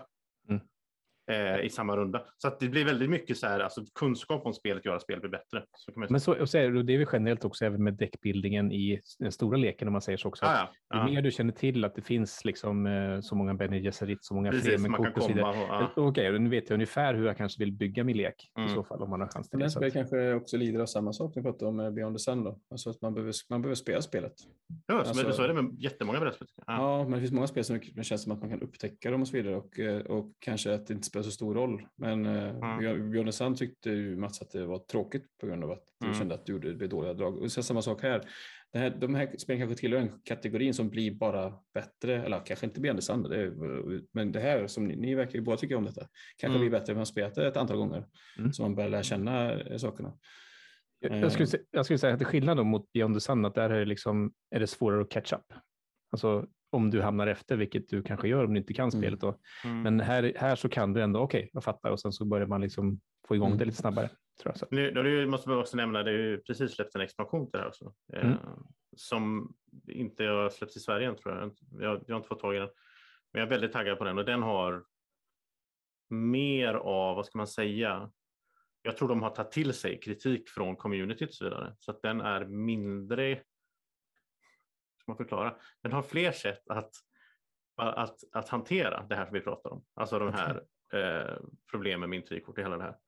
Eh, svårt att förklara, men de, de, det, det är det ena. Det andra är att de introducerar en väldigt intressant sak som är eh, som gäller, du kan skapa, alltså du har fler, mer asymmetriska karaktärer än vad de är i grundspelet. I grundspelet så, så har, är de också symmetriska, asymmetriska, men de blir ännu mer asymmetriska på ett sätt, det blir nya karaktärer då.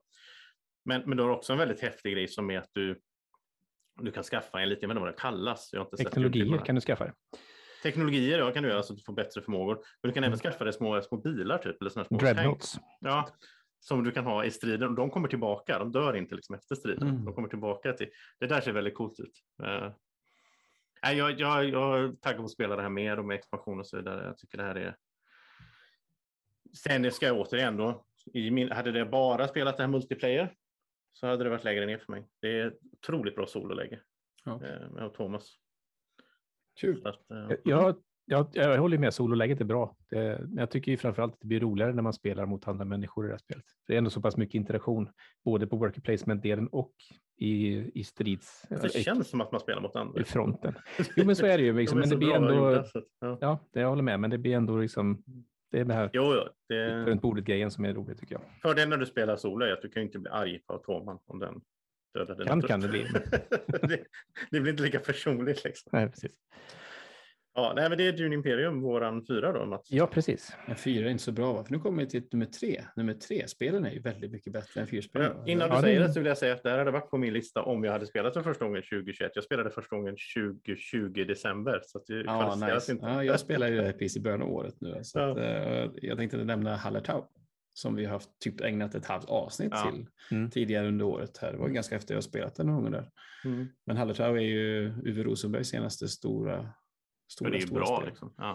Och eh, där han har gått bananas på kortmekanik. Han har ju haft eh, kort till lite spel här och där, och, men det har aldrig varit en...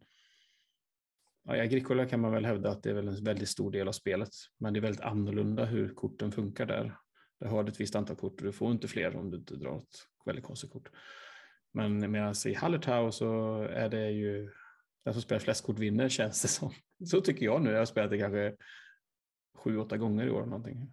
Så det är ett worker placement-spel. Eh, med, där man, det är lite roligt att man kan sätta, man kan gå till samma ställe två gånger.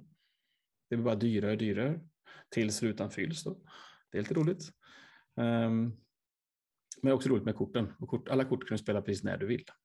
Det är en, jag tycker det är en rolig grej. Man ska inte spela spelet om man tycker att, man ska, att, att spelet ska vara balanserat och att det ska vara rättvist. det är ganska swingy. Kan det vara. Alltså. Väldigt ja. swingy. Ja. Otroligt, eh, Ja. men det, Spelglädje.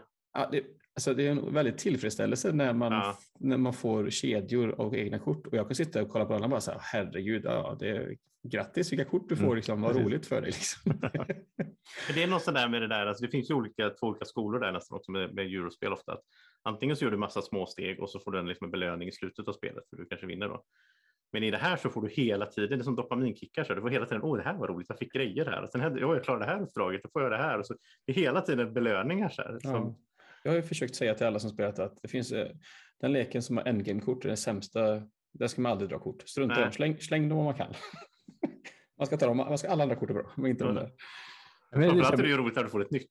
Så här. Och så- Nej, men det är också här typ just det som är att man drar ett kort och ah, det här kan jag lösa in direkt och så drar man ett till och så kan man lösa in direkt när den har allting också. Det är så här, Ja. så här man bara, jaha, så sitter man inte emot bara, vad fasen också, okej, jag har dragit typ Ja. 17 får jag ska ha. Jag Ja, den här kan jag ju bränna upp liksom. Det, men det är som är ju, Det är som i Wingspan, jag har klagat som, jag har Ja. klagat, ända sedan Wingspan kom ut så har jag klagat på det att jag tycker det är dåligt för du kan göra som en sista handling i hela spelet kan du dra två bonuskort och så välja ett och så bara Mm. oj det här passar mig inte jättebra för jag hade redan massa Mm. fåglar som hade rött, rött på vingarna. Eller. Hallertau är ju så hela spelet. Ja, men så är det ju. Det är ju-. Det är så här oj det här var, hade jag tur. Men jag tycker att det, jag tycker faktiskt det finns lite tjusning i, i Det gör här- det, ja, korten också. Ja, men inte bara men liksom att när man får sin starthand med kort, man har ett antal kort i början och så bara så här, herregud, jag ska ha åtta får eller någonting, eller sju Ja. får. Det är jättesvårt. Du ska, men... men... det kan ju vara att du bara ska visa upp åt åtta får, sen kan du använda en annan bonus för att slakta dem. Ja, precis. Men då blir det så här, då tycker, det som jag tycker är lite roligt, är att då blir det som så här, eh, då måste man göra andra saker den här gången. Jag Ja, måste skaffa får. du ska Jag, spela, jag, styr verkligen så här. Och det, det känns som att, eh, jag, menar, jag uppskattar det i, spel, i spel, kontrasten till andra spel. Du har ju Eh, aldrig haft något emot att skaffa får. Men det här nej, spelet, det ska man säga. Mats, Mats, det här spelet är ju inte skriptat i alla fall. Nej, nej, det här är så. Det här är så Jo, sandbox. på ett sätt så är det så, för du måste flytta ditt hus. Ja, men, Då måste- kan du säga i så fall är alla spel skriptade. Ja. Okej, man flyttar sitt hus. Du Man måste bygger skaffa ju- poäng. Men, Ja. men det, för det var här det vi gjorde förut på spelet. Så försökte jag ju inte göra det. Nej, Då det var korkat. Mm. Jag vet inte. Men jag måste testa. Ja, Ja, ja. Snacka brädspels R&D har testat att inte flytta hus, huset till Hallertau. Det är Och fruktansvärt dåligt. Vi har, vi, Nästa eh, vi, vecka ska vi testa att spela Agricola utan, utan, utan att skaffa utan, några skaffa, djur. utan att skaffa read. och några read och Ja. bygga mer rum. Ja. Hallertau, jag tycker det är jättebra. Ja, Ehm, Jag, tycker Jag gillar att han abstrakter, ab- abstrakterat, eller vad heter det, streamlinat som det heter, Så att det, istället för att hålla på och mata folk och hit och dit och skaffa ungar och allt vad det är så, så är det att du flyttar en stor by. Typ. Mm. Så gör du Ja. allt på en gång. Ja. Man bygger ut sitt community center. Ja. Ja, men det är inget dåligt spel, jag skojar bara. Det är, det, är liksom ett, eh, ett helt okej spel tycker jag. Ja. Det är inte UVs bästa. Är det, inte. Nej, det är inte. det är UVs bästa som har släppts de senaste två åren. Så är det. Har inte släppt så många. Eh, så var min nummer tre, Ja. Hallertau. Mm, ja. Och mitt, eh, jo, Mats. Nu höll jag på att hoppa över. Ja, det gjorde vi, gjorde i YouTube. ska ju hoppa Ja. över sin då. Jag ska hoppa över min, för det här kommer ju återigen komma upp lite senare, för längre fram. Vilket spel är det? Det är Lost Ruins of Arnak. Det kommer Ja, det- senare på något lista. Mm. Så nu ska vi prata om en som Andreas hoppade över då. Min nummer tre är Search for Planet X som var Ja. Andreas nummer fem. Ja, Och anledningen till att- anledningen till att det är högre upp på min lista är för att jag hittade Josef ju, vann sist. jag vann sist och Det tyckte jag Andreas, var. hitt, ja, så, det jag tycker det var så härligt. Andreas var först med att hitta Planet X, men jag fick lika många poäng för jag var så långt bakom. Ja. Och jag chansade, jag hade Kan, du inte, 50-50. kan du inte berätta lite om for Planet X innan vi pratar om förra Jo, det kan jag göra. Underbart. Eh, det är ett stort, alltså det är deduction och på svenska, jag har haft lite svårt att översätta det här till svenska därför att egentligen tror jag att deduction på svenska då betyder ju helt enkelt uteslutning, va? Eller alltså Ja. att, Slutledning. slutledning. Eh, och det är ju egentligen, jag menar grunden till det här är ju clue, alltså eller vem det är, eller alltså just det här så här Sudoku. Lo- Sudoku, logiskt pussel. Så att om, om, Hologram. X, om X eh, är så, eh, så måste Y vara så. Om, om då betyder det plötsligt att liksom, och så leder det, det blir som en sån här Tetris-pussel i hjärnan som plötsligt bara faller det på plats. Att jaha, men det här är så. Du får information under spelets gång. Du börjar spelet med några punkter av, av regler, så att säga, eller information Ja. för hur saker ska förhålla sig till varandra. Det är natthimmel då med 12 sektorer till att börja med där det då finns en, ett objekt i varje sektor. En av de här innehåller Planet X, de andra innehåller då typ gasmoln eller asteroider. Och sådär. Ja. Är Och fantastiskt. under spelets gång så får man tillgång till mer information om de här reglerna, men vi får inte samma nödvändigtvis. För Andreas, man, man behöver göra en handling för att liksom forska fram. Så Andreas kanske går och tar kursen i hur förhåller sig gasplaneter till asteroider? Så man vet att gasplaneter är alltid två steg iväg från asteroid. Mm. Medan jag har gått och tagit kursen i som handlar om liksom, eh, kometer, så jag har fått lära mig något annat. Och utifrån det så sitter vi där då med här skärmar som döljer liksom det här anteckningspappret man har bakom, där man sitter och klottrar och försöker räkna ut saker. Eh, Sen emellanåt i spelet får man lägga, publicera teorier på universitetet, då, liksom, Ja. på rymdbasen och säga att jag tror att det finns en gasplanet här och där. Eh, Men det här gör man liksom i hemlighet så att jag ser att Andreas publicerar en teori om sektor 5. Jag vet inte vad det är han säger att det är. Men då kan jag, man skriver upp alla handlingar som alla andra gör. Men då, vet, men då kanske du vet att jag har ja, skannat. du har skannat Jag har av skannat den himlen där efter Ja. gasplaneter. Så det enda du har information om måste vara gasplaneter. Och då kan jag också chansa att publicera en teori där. Samtidigt säga, jag tror också det är en Det gasplanet. gjorde ju jag ju sist. Eller Josef, han publicerade en teori. Han hade nog någonting med någon astro... Vad var det? Jag Komet. visste, jag visste att det var eh, en på tre, att det var en komet där. Ja. Och då chansade jag så här, bara in, nej, jag tror det är en komet. Och det roliga var att Andreas hängde på. ja, men jag hade ju ingen aning om någonting. Så jag, jag tänkte så här. Du straffar jag, dig också. Ja, det var, det var kast. Vi kom ändå ett och tvåa i spelet. Ja. Nej, jag måste bara säga att när vi spelar, jag har spelat det två gånger nu. Det är Alltså otrolig spelupplevelse. Eh, Jag gillar ju verkligen den här typen. Alltså, Man har en app ska jag säga också som håller reda på allting. ja, som det, så när du, forsk, när du forskar, Appen vet lösningen. Liksom. ja, när, behöver... när du får förhålla mellan två saker så är det appen som säger hur det funkar. Ja. Men, liksom, jag satt och verkligen så här, jag tänkte att jag har mycket information. Det känns som att jag borde kunna lösa det här nu. Och sen bara, till slut bara så, klick, klick, klick, klick, klick, klick, klick. Ja. Allting och, bara så, föll och så plats. trycker man in i appen så här, jag tror jag vet vad Planet X är. Och då får man ett litet bling om man har lyckats. Ja. Eller så. Man måste Det- även, det, är inte, det är inte så att man bara kan chansa på det, utan man måste även Nej. pricka in vad grannarna är. Vad, man måste veta, veta exakt Mm. vad Planet X är och vad sektorerna som är bredvid Planet X är. Så det är ju väldigt liten chans att man kan chans... eh, Alltså teoretiskt skulle din första handling i spelet kunna vara att säga jag tror Planet X är och så väljer du en av tolv. Men då måste du också tala om vad grannarna är. Så då är du, Ja. du är vi inne på så här, alltså, Ja. typ vad är det, 13 rätt på Lotto eller någonting. Att du ska Ja. kunna... och det gör man ju inte då. Men det, Jag inte så få att- 13 rätt på Lotto en gång. Men jag får sju. men jag kan säga när vi spelade sist då, jag fick ju ut 100 procent. Jag visste, alltså, det, det var väldigt Ja, otroligt. vi, vi till- spelade väldigt lång match första gången vi körde ihop. ja, men inte nu. Nej, men första gången och då, Ja. då fick man väldigt mycket information. Ja, totalt. men nu fick vi inte nu. Jag tror att vi, jag vet inte, kanske sex handlingar var någonting. En bara. väldigt snabb match. Ja. Och jag bara, jag, jag bara så här, jag, jag, jag, bara så här, jag, jag, jag tror jag vet vart, va- Planet X är. Och sen bara så här, vänta, nej, vänta. Och så, så tänkte jag typ 30 sekunder till. Jag bara kollade på det. Jo, jag vet. Och, sen, och då måste jag ändå säga att det var väldigt kort, men både du och jag och Emily klarade ju vad Ja, det men- var. Så att jag tror det var, jag tror det var den här koden eller den här blandningen var. som Ja, var så, det är klart, så är det ju. Ja. Men ni, ni hade ju, båda ni två sa att ni hade, det var ju en chansning, 50-50. Det var en chansning på, på en av grannarna. Eh, vilken Ja, ja, okej. den grannen var. ja, Jag visste vad planet X var, men jag visste inte vad båda grannarna var. Jag visste Ja, bara den ena grannen. ehm, Så då var det utesluten förmåga igen då, att Ja. den andra grannen måste ha- vara en av hade du två inte saker. prickat den så hade, Då hade du vunnit stort. hade jag Ja. vunnit stort. Ja. Det, det, jag tycker det är jättekul. Ja, Ehm, nej, men det här vill jag spela mer. Och man kan ju alltså vända på spelplanen och spela med 18 sektorer också, vilket ju det tydligen måste då vi är. göra. Det Det måste vi göra. Men det, det är återigen, det är ju typ som skillnaden mellan 6 och 7 rätt på Lotto. Då. Alltså det är inte det är inte det att du går från 12 till 18 att det typ är så här 50 procent svårare, utan det är, jag vet inte, det går- jag är ingen matematiker, men det blir mycket, mycket svårare för Ja. att du får så mycket fler. Men du kanske får mer information också. Du tänker, jag vet inte om det finns andra saker som sker då. Ja, ja, du får Eh. två, jo, det kanske. Men, ja. Ja, men innan vi går vidare från detta, jag tänker bara det är kul också ett spel som har man kan sätta svårighetsgraden per spelare. Det tycker jag är, Det är häftigt. Ja. Eh, Så att när man börjar spelet så när man slått in, Så spelar vi med Mats, då skulle Mats kunna börja på nybörjare och vi börjar Ja. på expert. ja, Och spela samma match. Det skulle vi kunna göra. Eh, Men man, man, börjar, man startar ju appen och så är någon, någon startar ett spel får man en kod. Och sen i den så väljer sen alla spelare vilken svårighetsgrad och på olika svårighetsgrad så får man olika många ledtrådar Att börja Eh, med. ja. att Mm. börja med. Det är så Mm. man balanserar spelet. Så Mm. Jag kanske kan spela det här spelet ihop med mina barn sen. Ja, men Så- precis. Och så kör du på svårast och de kör på lättast. Jag, jag, och det innebär liksom, ja, det tar mig många fler handlingar att Mm. få fram samma information och då kanske de andra pusslat ihop det innan. Det är ju, jag tycker det är Bra hjärngympa på barnen också, en viss ålder. Jag vet inte Ja, vad som är lämplig ålder. eh, Men... Jag måste bara säga, det här är ett, det här är ett spel som är svårt att förklara. Liksom, jag, har varit lite, jag, jag tyckte det var så kul att prata om det här med, med mina kollegor. Liksom. Och jag bara, tänk liksom eh, sudoku, fast jag vet inte, så jag vet inte vart jag hamnat. Liksom. Och de bara så här, oh, alla tycker det verkar spännande sen. Jag har ändå Ja. på något sätt sålt in det här nu. Så att, Du borde skaffa det nästan. Det, skulle... det Ja. är något du skulle kunna köra med. Search for Planet X. Ja, fantastiskt. Ja, Min nej, men femma, det- din trea. Det var, ju, det var ju hård konkurrens ska jag säga, för det här hade kunnat vara min etta. Eh, Och det är min etta just nu i så hype vad jag vill spela just nu. Men, men eh, de två nästa här är ännu bättre som spel. Så, Oj. att, eh, Mm. så nummer två då, för Andreas hoppar vi direkt till. Va? Och det blir jag, vad kul.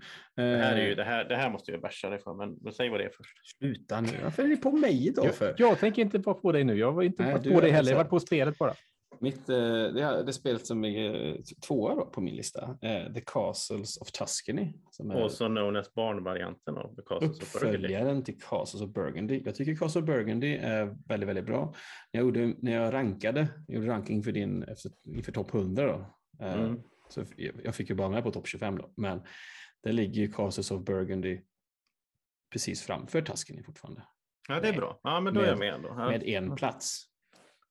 Så det, jag tycker som typ ligger lika på mycket. samma- Det är 200 platser. Ja, För men jag, tycker, jag tycker lika mycket om dem i stort Ja. sett. Tuscany är lite mer eh, ett, ett mer snabbspelat eh, spel än vad Castle Burgundy är. Eh, många likheter men absolut inte samma spel. Tycker jag. Jag tycker något som är fascinerande i spelet är det här man, ju- man har ju som tre scorings ungefär och så har man en röd track och en grön track. Jag kommer inte ihåg vilken som är den inre och yttre nu då, men eh, Mats, kanske du kommer ihåg? Det är den gröna som är yttre. ja. Den man går på i alla fall varje, varje runda kan man säga. Ja, så att, låt säga att man har, tio, man har kommit upp i tio gröna steg när scoring 1 sker. Då går man 10, då får man gå lika många steg på en röda som då. Och sen har man kommit upp till 22 andra gången så får man flytta över 22 steg på en röda. Då. Så det, jag vet inte varför jag gillar det här spelet egentligen, men jag tror att det är bara för att jag inte knäckt det. Nej. Jag tycker liksom att det jag vet inte, det är otroligt.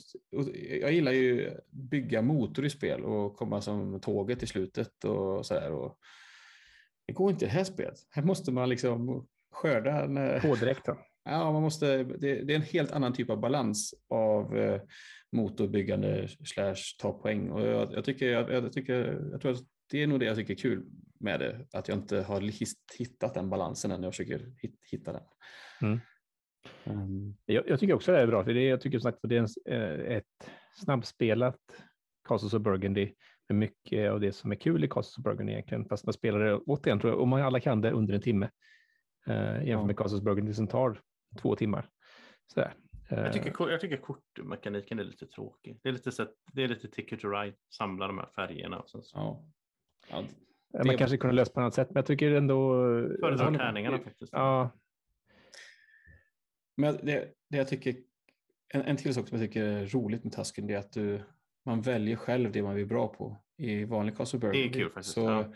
Mm. så då är det ju draft på allting. Mm. De här gula sakerna som gör att du kan få specialförmågor om du väl får ut dem. Här så är det spe- specialförmågorna är alltid satta. Det är, lite Mm. enk, det är ju enklare liksom. Du vet att eh, du kan du, som ett första, ja, det är asymmetriskt i början också. I början så Mm, väljer man ju. turordning vilken startsak man vill ha. Ska man ska ha fler då? Så att om jag vill vara bra på, om jag vill ha större chans att dra bra kort så kan jag ju dra fler kort varje gång jag drar kort.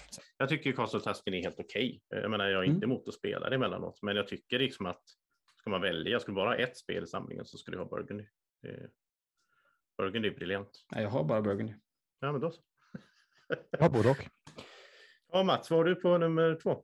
Eh, nummer två, där har jag Imperium Classics och Legends, får man väl säga. De ligger ju ihop de där två, men att säga Imperium kan man inte bara säga heller, tror jag inte. Jag vet inte. Jo, det kan man nog säga. Kan man göra det? Det är samma spel. Eh, och vi har pratat om det här också rätt mycket i något avsnitt, så ska jag inte prata för mycket om det egentligen, men det är, fort, det är ju en sån här spel som man upptäckte som bara wow, effekt av liksom att kunna bygga ihop Kul att du tyckte så mycket om det. Ja. Ja, men jättekul. Uh, man tänkte, jag har inte tänkt på det överhuvudtaget, så fick man testa det bara så här, det här är ju superkul, liksom. just att man bygger sin civilisation.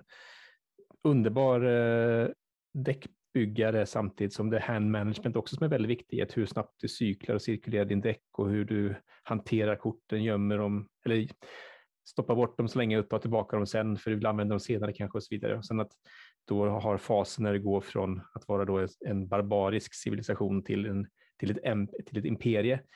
Då kan du inte spela ut de här gamla Conquer-korten längre. Då måste du göra saker och ting på ett annat sätt. Så Mm. det är väldigt kul just det här med hur du så att säga, tajmar och ställer om och, och hand management. Det är väldigt, väldigt kul det här spelet. Alltså. Jag är väldigt taggad på att spela det här. Jag, eh, jag har inte gjort det än, men, men jag, jag tror det här verkligen är min typ av spel. Ja, men jag tror också det. Så här, jag tror att Andreas skulle gilla det här också. Har Så att, Ja, det det. Så att det är ett spel vi måste få till bordet tror jag. Mm. Eh, nu säger de att det är bäst som solo. här. Men jag tror två har jag spelat på, det funkar bra. Tre har jag inte provat. Testa gärna. Eh, det kanske blir lite... Andreas är ju så snabb. Alltså, det är ju ingen större skillnad om vi spelar vi två eller vi Det spelar här, med kommer jag, det här kommer jag aldrig släppa nu när jag, när jag för en gångs skull så dissar en av hans spel. Han dissar alltid mina spel annars. Så. Imperium Classics i alla fall. Ja, ja, är bra. Inte skriptat. Nej, verkligen inte. Oj, jag- oj, det, här, det här kommer han att vara bitter om länge nu. Ja, jo, men det kommer jag få äta upp i... Men jag, jag, har bör, jag har börjat släppa det nu Mats. Och speciellt du, jag det var, jag jag som började säga skriptat, men det var för att jag bara spelat en gång och då var det inte valid point. Typ. Så att det är du som kommer få, få bashingen av det. Ja, ja, ja. Det är, Ja. Så är det ju. Jag får ju alltid Andreas bashing här. Ja, ja. Mats är som min pappa nu för det är klart att man får pappan som får, får Alltså, det, skulle, skulle du kunna vara Andreas pappa? Mats? Nästan, inte riktigt. Nej, jag hade nog gett bort honom på adoption tror jag. ja, det var, okej, det var rätt så så jag menar. Ja, ja. Ja, eh, min nummer två då är jag unik med att ha på listan här, men jag vet att Mats gillar också, men det är Marvel Champions som jag upptäckte. Det här är ju från 2017 tror jag. Något sånt. Jag får väl lägga in, det här Mm. spelade jag år, förra året också då, så 2020. Precis, ja, ja. Så därför kan jag inte ha med Ja. det. Jag upptäckte det i typ januari eller något sånt i år. Eh, första gången jag spelade och sen har jag spelat väldigt mycket i år. Det är ett av de spel jag spelat mest i år. Solo. Tycker det är jättecharmigt. Det är ju väldigt mycket, väldigt stark tematik i Marvel Champions och ihop med bra mekanik. Och jag, jag kommer ihåg när jag, att jag, jag kollade ju på det här spelet liksom när det kom och så där och häng- hängde med i så här playthroughs och grejer och så. Och då måste jag säga att jag var nog lite mindre taggad på Marvel. Sen mellan 2017 och nu så har jag sett alla Marvel eller hela MCU filmerna bara för Disney Plus kom i Sverige. Så. Och det gjorde väl att jag blev lite mer sugen igen. Alltså så här, Inte bara, för innan har det varit så här, men man gick till Spindelmannen, typ Iron Man. Men jag har blivit med, lite mer liksom inne i det här Avengers och hela grejen. Så att tematiken är stark för mig i det här spelet, men även mekaniken är också väldigt bra. Det är väldigt så här, den går ju hand i hand liksom. Jag älskar när du bara har en kortlek och sen kan du göra saker med den kortleken som får det att kännas olika, som passar då med vilken hjälte du har. Eh, jag tycker det är väldigt briljant. Alltså när man, det finns ju andra spel som också gör det, men, men just det här när du... Jag tänker så Hero Realms är en gammal favorit för mig, det har jag inte spelat på ganska länge, men det är också så att du liksom, menar, spelar du Trollkaren så funkar dina kort på ett visst sätt och spelar Mm. du Krigaren, alltså när du kan få en kortlek och agera så olika. Och i Marvel Champions så har du just det här med så här jag tagit det som exempel förut när jag pratade om det här spelet. eh, Så, men, men just med Iron Man till exempel, att Iron Man är ganska svag i början. Mm. Så han måste liksom bygga upp steg för steg, bygga upp liksom sina stövlar, då kan han börja flyga och sen sina liksom händer, sina rust, den här rustningen han har. Eh, och då kan han börja skjuta liksom, eh, och göra skada med dem och sådana hjälmen och så. Så att han blir starkare ju längre spelet går. Eller som han då, eh, Black Panther, som han är inte så stark liksom i sig själv, men han kan samla upp olika liksom allies eller så här, som, och sen kan aktivera alla på en gång. Då. Så Mm. får, Det, jag, det, det tycker jag är kul just med Iron Man som du säger, för ett bra exempel på att dels blir han starkare, men nu kan även få hans han hand size ja, ökar också kort, successivt. ja, precis. Så Eller han kan göra fler saker. Ja. Ja, men och som att du, om jag spelar till exempel Rocket så kan du spela Groot och så triggar vi varandra. Det finns mycket Ja. roligt i det där som... Eller eh, Ant-Man som, ja. vecklar- Ant-Man som kan bli stor eller liten Ja. eller vara sitt alter ego-form. Eh, och, Och så- bara, bara den grejen egentligen att när du är alter ego-form så kan du inte ta skada för då är du Nej. ute och, ute och slåss med, med fienderna. Men då, tar du, då, låter du istället fienderna få tid på sig att hålla på med sin scheme, sin onda plan så att den Mm. byggs upp. Och det är ett sätt du kan förlora på. Eh, Men så då måste du ge dig ut och slåss, men då, då, då stoppar du liksom inte skimen. Eller, liksom, ja, det är häftigt hur det interagerar med de här olika, du flippar tillbaka, fram och tillbaka. Vem vill du vara liksom? Ja, Men det här är ett co-op-spel. ja, precis. Ja, Och just det att sen också att du har då du kan bygga Spindelmannen på ett par olika sätt. Precis, han Man kan vara lägger in, aggressiv eh, ja, exakt. Så här. Mm. Och sen då även att du, det finns ingen begränsning kring hur du bygger din lek. nej, Du får ha hur många kort du vill. ja precis, men det, du Fast det vill du kanske inte. Ja, men precis. Du vill Ja. ju ändå balansera ut det här lite grann. Liksom, så att det är ganska skoj. Eller man, spelar man. Tor så börjar man med sin sköld i handen. Mm. Eh, han har sin sköld, men om du använder den, du kan kasta den och så vidare då, som skada, då åker den i disken och så måste Mm. du hitta den igen. Liksom. Det är kul. Eh, Ja, det är, det är, bra alla hjältarna är otroligt Mm. tematiska. Jag tror att, eh, det- alltså, ni- jag, jag har ju hört er prata om det här massa gånger nu. Jag har Ja. inte spelat det själv. Jag tror att det här är ett spel som jag skulle, tror jag skulle spela sen när barnen blir lite äldre. Jag kan Mm. spela ihop med dem tror jag. När man börjar se på den här typen av filmer. För de här filmerna kommer, man kommer ju komma Ja, in i det universumet med dem tror jag sen. Mm. Och så vidare. Och då tror jag ehm, jag, jag ser lite fram emot att upptäcka de här, det här universumet lite mer.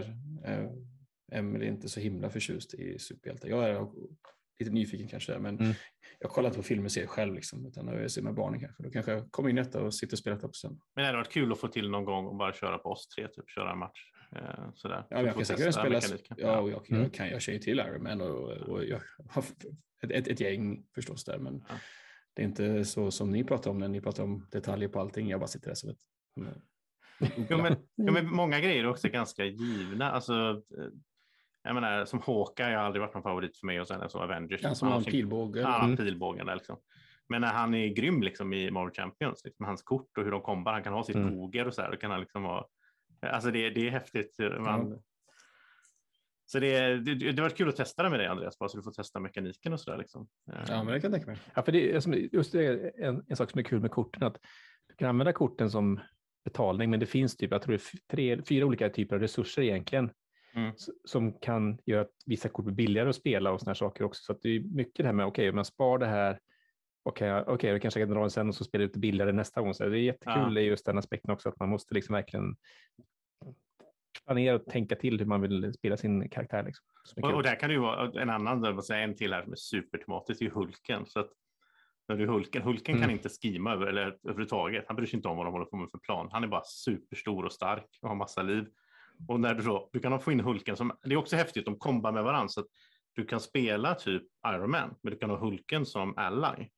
Och då kan du spela ut ett kort som är Hulken. Eller så kan du spela som Hulken själv som karaktär. Och det här kortet du spelar ut med honom, då drar du ett slumpmässigt kort från din lek. Beroende på vilken symbol du får så kommer han göra skada till fienderna, alla. Eller så kommer han göra skada även till sig själv och till allierade. Eller så kommer han springa iväg. Mm. Men, så att, så liksom, det är så otroligt tematiskt hur de har Ja, det, känns, det, är skill, det, det är skillnad på att ha Hulken som ally eller att ha liksom Black Widow som ally. Alltså det är, ja, Och så att de har släppt väldigt mycket olika karaktärer också. Såna Ja, karaktärspack är ju också jätteroligt. Liksom, så att det, det, det händer mycket Bra runt spelet. Och Ja, mycket så här små, små kampanjer också som, eh, som är Ja. roligt, tycker jag. Så. nej, men fantastiskt spel, Marvel Champions. Så Det, det ser jag fram emot att spela mer nästa Mm. år. Då är det Då är vi nummer nere ett på då. ettorna här då, pojkar. Ni har ju samma etta, så ni kan Ja. bara dra det. Ja. Vi, eh, vårt, eh, mitt och Mats eh, favoritspel från i år. Eller Ny- Nyspelat i år. spel. Nyspelat spel. Det är inte från i år. Nej, det är det inte. Det är Grand Austria Hotel som är från 2015. Men jag spelade första gången, det var ju när jag fick Deluxe Edition. Fick Big vi- Box eller? Ja. Ja, den heter inte Big Box, den Men det är heter, expansionen. den heter Grand Austria Deluxe, Ja, okej. Ja. tror jag. Mm, jag tror det också. Det, det, det, det, Ja, Det kanske hade varit på min lista om jag hade spelat det. Jag har inte gjort det i år. Så att, Ja. Ett, ett spel där man driver ett eh, hotell, det är ett riktigt eh, crunchy spel alltså. Mm. Det är verkligen det här med att eh, man måste verkligen göra bra saker varje gång i din tur med tärningar. Det är många saker som är roligt med det. Eh, det är dice drafting, man slår gemensamma tärningar. Eh, och beroende på vilken kolumn du tar, så alla ettor grupperas, alla två grupperas och så vidare. Och man slår massa tärningar. Och så att du tar från ettan så tar du, så finns det fyra ettor, då tar du ändå då får du aktivera handling nummer ett med styrka fyra. Vilket gör att det blir sämre för de andra som vill ta samma handling då. Det är kul. Eh, Det är kul med turn order-grejen, att man är du först i en runda är du också sist. Ett, man spelar som Snake, så man Mm. är etta, åtta, tvåa, sjua, tre, sexa, fyra, femma. Det finns en modul i den här expansionslådan som säger att man kan ändra det där. Jag har inte, Mm. jag har inte, jag har inte ens kollat på den. Vet inte hur det funkar. Jag tycker synd att ändra på det, för jag tycker det är så jävla bra i spelet. Mm. grejen. liksom. Tycker du är kul då Mats? Jag gillar ju också det här typ med man ska stå, man plockar in gäster, så säga, sitter i kaféet, plockar in dem i sin, i, ja, på sitt kafé och ska servera dem då fyra olika typer av eh, matvaror kan man säga. Det är kaffe och vin och det är eh, Strudels. strudel och eh, tårta. Det är strudels and cake. Yes. Och, och det här att pussla ihop det här och sen samtidigt så har de en färdigkoppling då till de här hotellrummen som man ska försöka samla ihop. Och sen finns det då även just det här med att du har eh, varje runda, eller du har tre olika huvudmål som ligger övergripande då, som man kan jobba mot också, som ger olika poäng då beroende på när, vilken, eh, när du triggar dem, eller på att säga. När du väl har uppfyllt målet, du kan lägga på en disk där, som är att du Mm. 15 poäng första och sen 10 och 15 och så vidare. Och sen kanske en av de mest spännande grejerna tycker jag det här spelet som gör det lite annorlunda mot normalt sett är att du har en Emperor's Track som heter.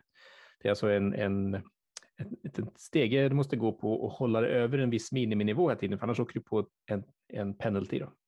Ett straff. Man liksom, blir för utvärderad av eh, kejsaren. Jag vet inte hur det funkar liksom. tematiskt, men det är en ja, men kul grej. Någon gång Mm. per år liksom så här, han har väl vill ha koll på sina hotell runt Ja. om i sitt rike. Vad vet jag. Ja, det är säkert precis. Men är supertematiskt. kaféet, eh, är det en expansion eller är det? Nej, det är en del av hotellet, så att, Ja. att du har restaurang Okej, där. ja. Sen så vill de gå och lägga sig då när de har serverat och så blir de Ja, ja. mätta och trötta och vill det- de gå och lägga sig. Ja, det är som så här, för, först, först finns gästerna i någon gemensam lobby eller någonting oklart. Ja. De finns på en marknad. Det är, dra, det är drafting då. Mm. Och, så, och så tar man dem till sitt café. Men där sitter de hur länge som helst. De kan sitta i flera år tror jag. Tills de blir serverade och då flyttar de in i ett rum. Och lägger sig och sover och är helt tysta. Precis, man stänger dörren och så sover man där för Så alltid. sover de där.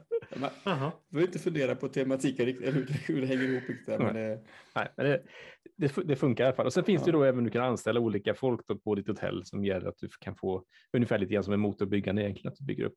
Till exempel du kan ha en, en betjänt då, som gör att du kan servera gratis från köket och sådana saker. Det finns massa olika Men varianter. det är också roligt för den här grejen spelar, det är ju, dra, det är ju en sån draft i början. Så är, Mm. man, man delar ut om det är sex, sju stycken sådana assistenter var och så gör man draft på det i början. Vilket gör att man kan då försöka hitta kombos med de här. Det är kul. Mm.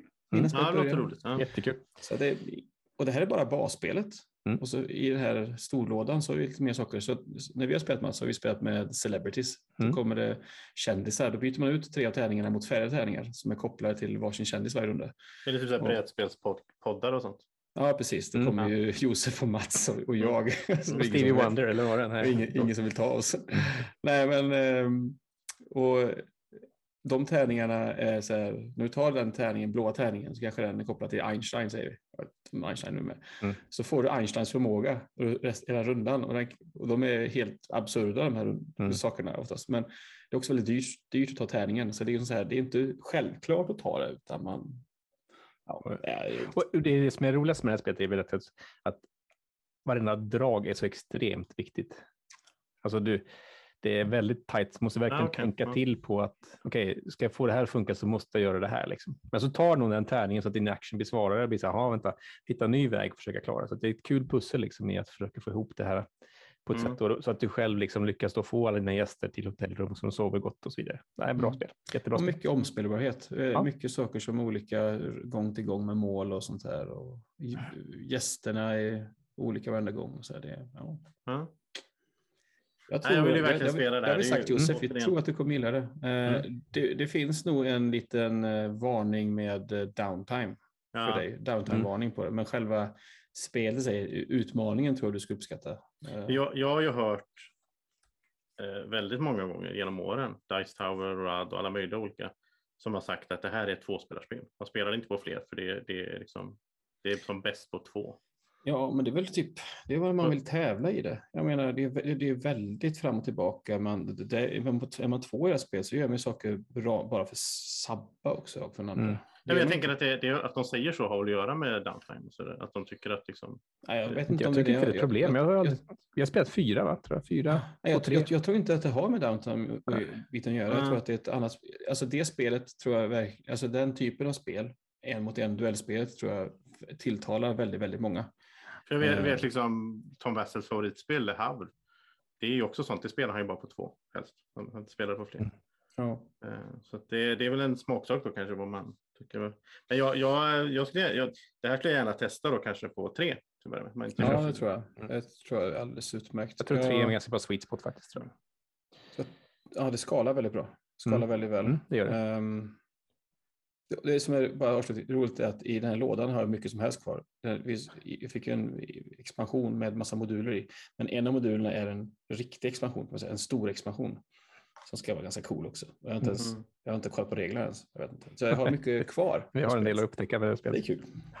Ja, min nummer ett var ju också Mats nummer tre då. Ja, precis.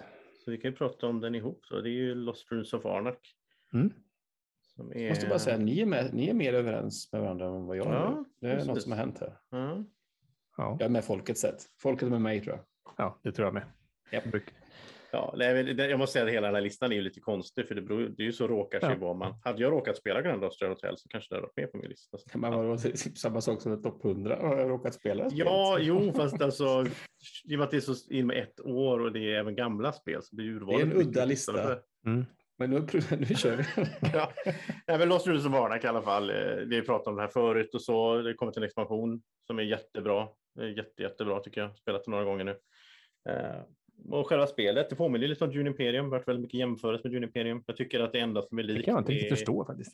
Nej, men det enda som är likt är att, eh, att när du placerar likt? ut en arbetare så måste du spela ett kort också med den symbolen. Det är det som är likt. Ja, men det är ju, Ah, det är som att säga att typ du, du Underwater Cities. Typ. Nej, City kan du gå utan att spela ett kort. Nej, ja, nej, du måste alltid Du spela ett kort. ut en. Ja, ja, men du behöver inte spela ett kort. Du kan ju bara slänga kort om det. Jo, men du måste ju fortfarande spela ett kort från hand. Ja, men, nej, men det är inte samma sak här. Du kan ju gå vart du vill i Underwater Nej, jag försökte Du bara hitta någon annan Men det finns ju, alltså, jag, ja precis, jag håller med. Jag tycker här, när man jämför ett spel med någonting annat så blir det så här, jaha, bara för att jag Ja, men det, det har att göra med att de kom ut ungefär samtidigt. Så hade de kommit med så här två års mellanrum så hade ingen jämfört dem. Tror jag. Nej, och det är också väldigt konstigt. Det är också Ja. konstigt. Ja, I alla fall, Lost Rules of Arnak tycker jag är det bättre av de två spelen. Och det beror delvis på det Andreas pratade om innan med lite de här intrigkorten och Take That. Lost Angeles of Arnak har ingen Take That. Eh, Lost Rules of har också ett skönare tema tycker jag. Jag tycker det är, det, det, det är extremt bra implementerat hur korten och allting hänger ihop med temat. Du utforskar, jag gillar det ju, det är Indiana Jones typ. Jag gillar det temat också. Att du liksom, eh, Eh, så du, ja, det har så mycket bra grejer i det här spelet. Det är ju liksom deckbuilding, det är, det är worker placement, det är utforskning, upptäckare, glädje, det är en track som du går upp på där du liksom researchar eh, och du får grejer. Du får grejer hela tiden i det här spelet, vad du än gör. Så, så här, och det gör ju massa kombo-bomber då, att så här, men jag gör det ena så får jag de här grejerna så plötsligt kan jag göra något annat och så det, är, det här, jag har så roligt med det här spelet. Det här har jag spelat kanske 40 gånger på BGA och kanske 20 gånger live. Något sånt där året. Men jag, jag tycker så här, att det roligaste med det här spelet som skiljer Dune Imperium är ju, eller om man säger eftersom deckbuilders bägge två, för det är det ju, det kan Mm. man inte komma ifrån. Men just att du-. Ja, men jag tar deckbuildingen som, som ett steg ett här nu, att deckbuildingen är roligare i Lost Runes of Arnak eftersom det är två olika typer av kort. Mm. Så ena, och sen att du lägger då det kortet lägger underst om du köper föremål. Men köper du artefakten så triggas den när du köper den första gången. Mm. Och sen hamnar i din play area då, så att du kan liksom nyttja de korten på ett annat sätt. Medan med, med Dune, eller Dune Imperium så köper du korten och lägger dem i din play area och sen laddar om Och när du Mycket mer klassisk, Ja, men precis. mycket klassisk deckbuilding i Dune Imperium. I Arnak har ju en unik grej med att det finns ingen discard-pile. Nej. Så Nej, du, precis. Du blandar din, alla kort du har spelat en runda, de blandar du och lägger underst i din däck i slutet Mm. av rundan. Och sen drar du från toppen. Och det är ju att du kan ju planera lite grann. Okej, jag, jag har ett par drag nya kortkort i min Mm. där.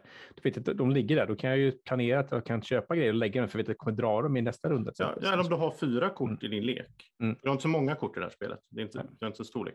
Så du har fyra kort och du vet att du kommer dra upp till fem nästa runda. kan du köpa ett kort som hamnar underst. Du vet att Mm. du garanterat kommer ha det i handen Mm. nästa runda. Så du kan planera för det. Och det, blir- det, blir, det är inte hand management utan det blir väldigt men det är nästan lite som en, hand, det som en deck management istället. Att du, Ja, inte bara att du bygger en lek utan du bygger, du bygger också hur den kommer att komma, i vilken ordning. Deck management har jag aldrig hört igen tror jag. Nej, lite men alltså det finns det liksom, det, det finns ett annat klassiskt Jag hörde först det är ju bara att du köper det för att sen hoppas få upp det vid rätt tillfälle. Här köper du det för att du vet att du kommer att få upp det nästa runda. Det, det är en skillnad.